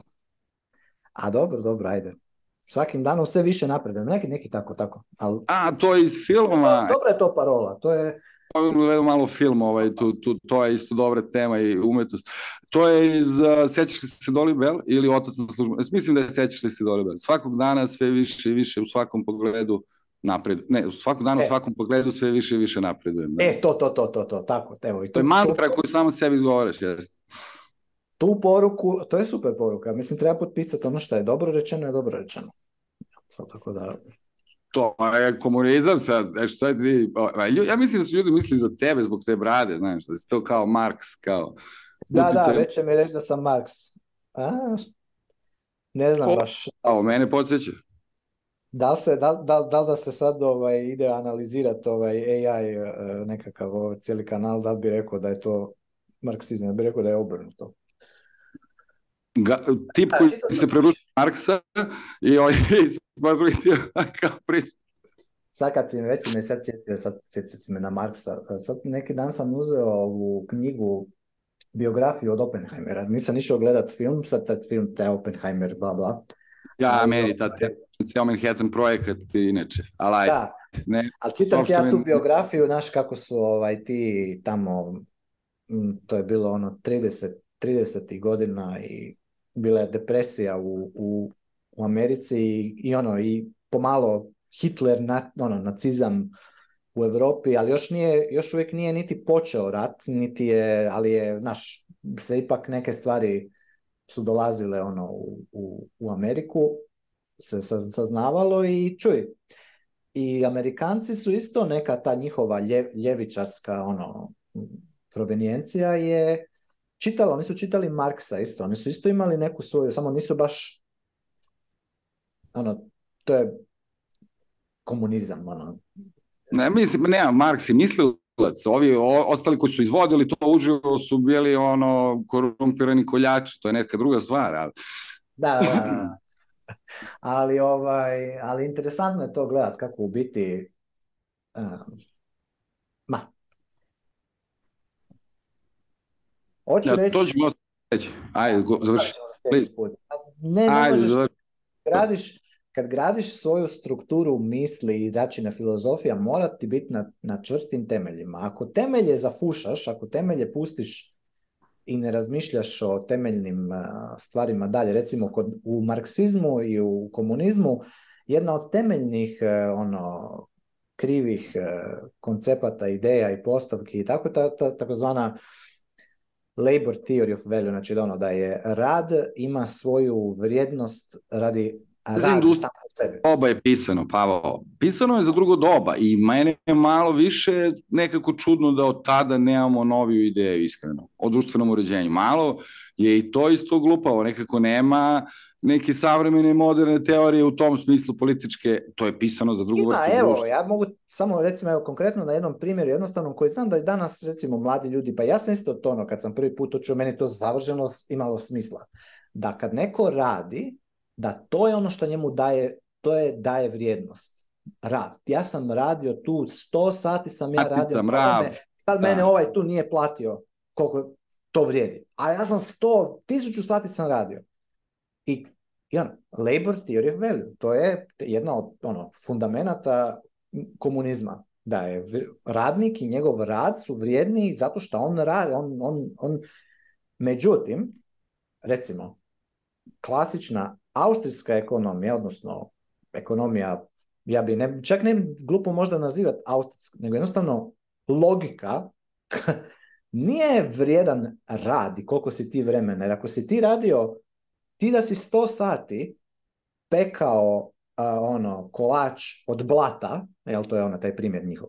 ja sam da, ja sam 100 sati čovječe dok ja nisam napravio, stavio blato u kolač, evo ti sad taj kolač nikoga neće kupiti, nikoga ne vrednuje, zato što ne radi se o tome koliko se ti sati radio, nije vrijednost u radu, nego vrijednost, ljudi vrednuju stvar subjektivno. Znači ja vrednujem ili vrednujem više nego što ću platit ili, ne, ili vrednujem manje. Ako, ako vrednujem manje neću kupiti to što sam, što sam naplaćen. Ti već samim sam akt razmjene, znači dva čovjeka kad se razmijene, jedan sa drugim, da su oba dvije strane slobodnom voljom napravile tu razmenu, oba dvije strane su iskomunicirale. A je rekao B da to što ima B je vrijednije za A, a B je rekao A, to što ima A je vrijednije za B i oni su se razmijenili.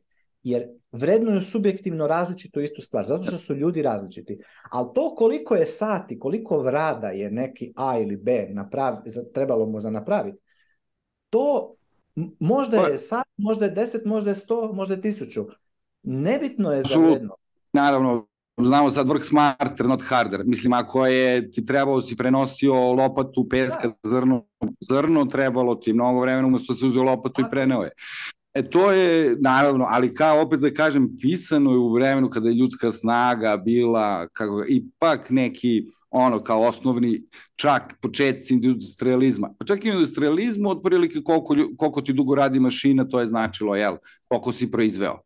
I da, to je ovaj, tome. te, ta, ta pitanja, ono, kapital, šta, da, ali onda oni eksploataciju rade, znaš, ono, vlasnici kapitala eksploatiraju radnike. Ma, jo... Radnik jedino sredstvo za rad. Sada ćemo vidjeti kada budu druga sredstva za rad, koja ne traže hranu, kao na primjer AI, pa onda da vidimo, ka, mislim, da li će se to normalizovati onda. Naprotiv, mislim da je ono, alaj, To je, kažem, pisano za drugo vreme, mnogo je tužnije što nemamo teoriju posle te. Pisano je za vreme proletarijata, proletera da, ja i ratnika. Da bi bitcoinerima bi stvarno bilo korisno, a stvarno bi im bilo korisno educirati se ekonomski čita Cefedina. Evo sad je izdao je knjigu, e, ima Principles of Economics. Sad ćemo mu početi kurs u, u, devetom, u devetom mjesecu. Stvarno mislim koga zanima, neka mi se javi, ja ću mu ono moći, što bi rekli, ako mu je to puno e, zakupiti, poslat mu ja a, login i to, ali stvarno mislim da je e, korisno za naučiti neke stvari. Jer vidim, jednostavno vidim puno dosta često vidim kod bitcoinera koji kuže bitcoin i kuži šta, je, šta se događa. A brate mili ono, točno vidiš da im ono je nekoherentno, nije im postavljeno u glavi ispravno nekakve, nekakvi ti ekonomski principi koji su ti praktični u svakodnevnom životu. I ljudi ono imaju um, Evo ti recimo jedan od primjer toga je kako AI, AI će ono, i, meni uz, uzet će sve poslove, ljudi neće imati posla, zato treba, jer ima, pazi, ima, ima bitcoinera koji čak su ono, joj, kad sam to vidio, ono, slabo mi je došlo, kao, oni su progresivci, oni su ono, so, socialist, znaš, kao treba AI, AI će sve poslove ono iz uh, maknut čapa, zato treba u, u principu treba nekako nekakav ono universal basic income treba ono dati svima pare Jer kuješ, ako će ništa neće nikom moći ništa raditi, jer će AI će sve to, onaj mali Spencer Schiff, kujiš, onaj sin od ovoga, evo, puko do kraja, ono, išao je totalno ono na kvasinu, što bi rekli.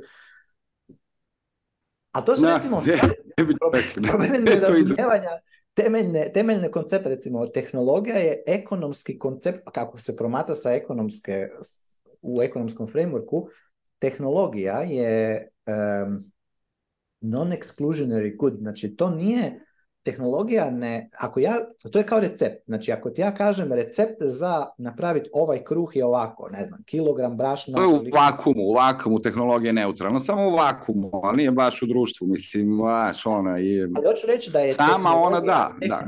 Znači, sam, sam ideja tehnologije je recept kako se nešto radi i to ako ja, ako ti znaš recept, ja znam recept i neko treći zna recept, to što nas troje znamo recept, ne oduzima kapacitet individualno nama da, da taj recept, da iz tog recepta proizvedemo neko dobro ili neku uslugu. To hoću reći. Znači, tehnologija, znači kad neko kaže da, ali oni imaju tehnologiju. Ne, tehnologija je nešto što imaju svi. Ideja je nešto što imaju svi. To je recimo isto jedan razlog zašto, zašto su, na primjer, patenti i koncept intelektualnog vlasništva, jedan od najvećih bullshita koje propagiraju države, naravno opet propagiraju države i uređuju zakon na temelju toga. Šta znači intelektualno vlasništvo? Ne možeš ti imati vlasništvo na idejom, zato što ako ja tebi dam neku ideju, ja je i dalje imam. Znači nema da ja, nije da sam ti, da, da sam ti dao sad ovo tu, ako ja tebi ovo tu dam u tvoj posjed, to više nije u mom posjedu. Međutim, ako ti kažem, ne znam, neku ideju ti prenesem, ja i dalje imam. Znači ti ne možeš imati vlasništvo nad idejom. Kakve su to bullshit i gluposti? Patent, patentirano vlasništvo nad idejom. Ima, I to isto recimo jedan ono, totalni, an, ono, kako bi to rekao? Disaster, disaster, koliko, koliko, koliko je ovaj, štetno, mislim, štetno. Na kraju krajeva se najviše reflektira na, vlast, na, na individualnu kvalitetu života. Moje savjet, uh, ali ono, bez obzira s čime se bavite...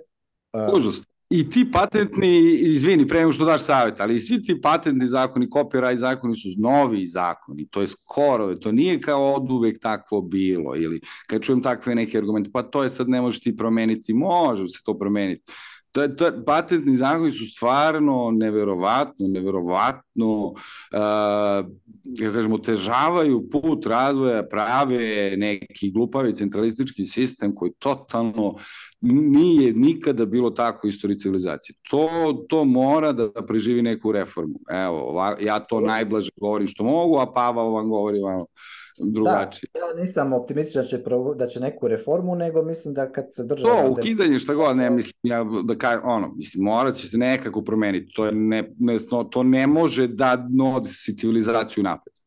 Da, apsolutno ne može, da, to si dobro rekao, ne može nositi, evo, ima jedna, ovo je jedna od ranih epizoda, Stefan Kinsela je odličan lik za to, Malo je imao za vrijeme korone, yes. on, on malo se isprepadao. Yes. Ne, ne, jedno, ali Kinsela je, jeste Mislim, da. meni, ono, cool.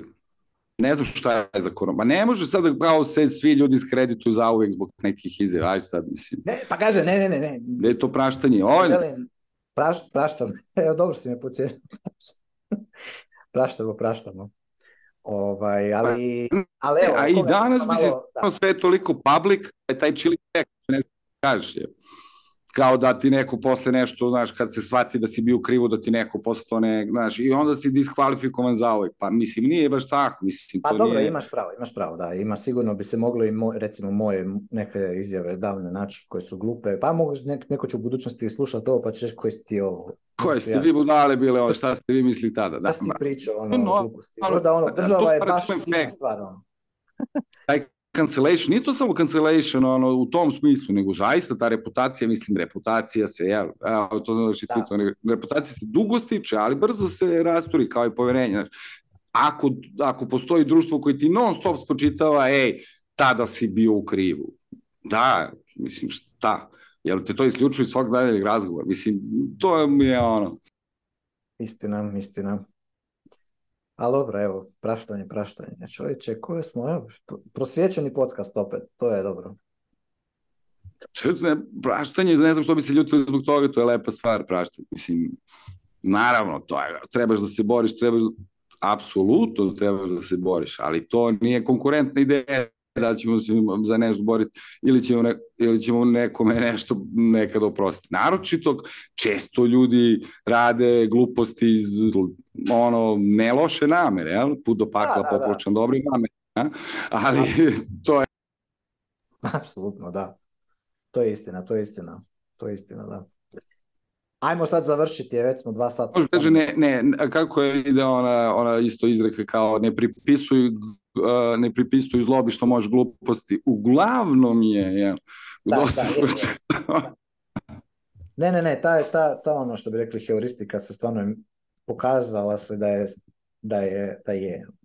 Čak i ono, reći glupost, možda čak Šta si teo da, da kažeš za ovo? Ono ne zna, nešto ne zna, nije nikad bio izložen toj, toj ideji. Može čovjek biti strašno pametan, inteligentan, jednostavno nikad nije sto tog kuta gledišta nešto ono, pa jednostavno ima tako neku ono koncepciju koju eto jednostavno ima. Možda u momentu Nisi kada uvalio.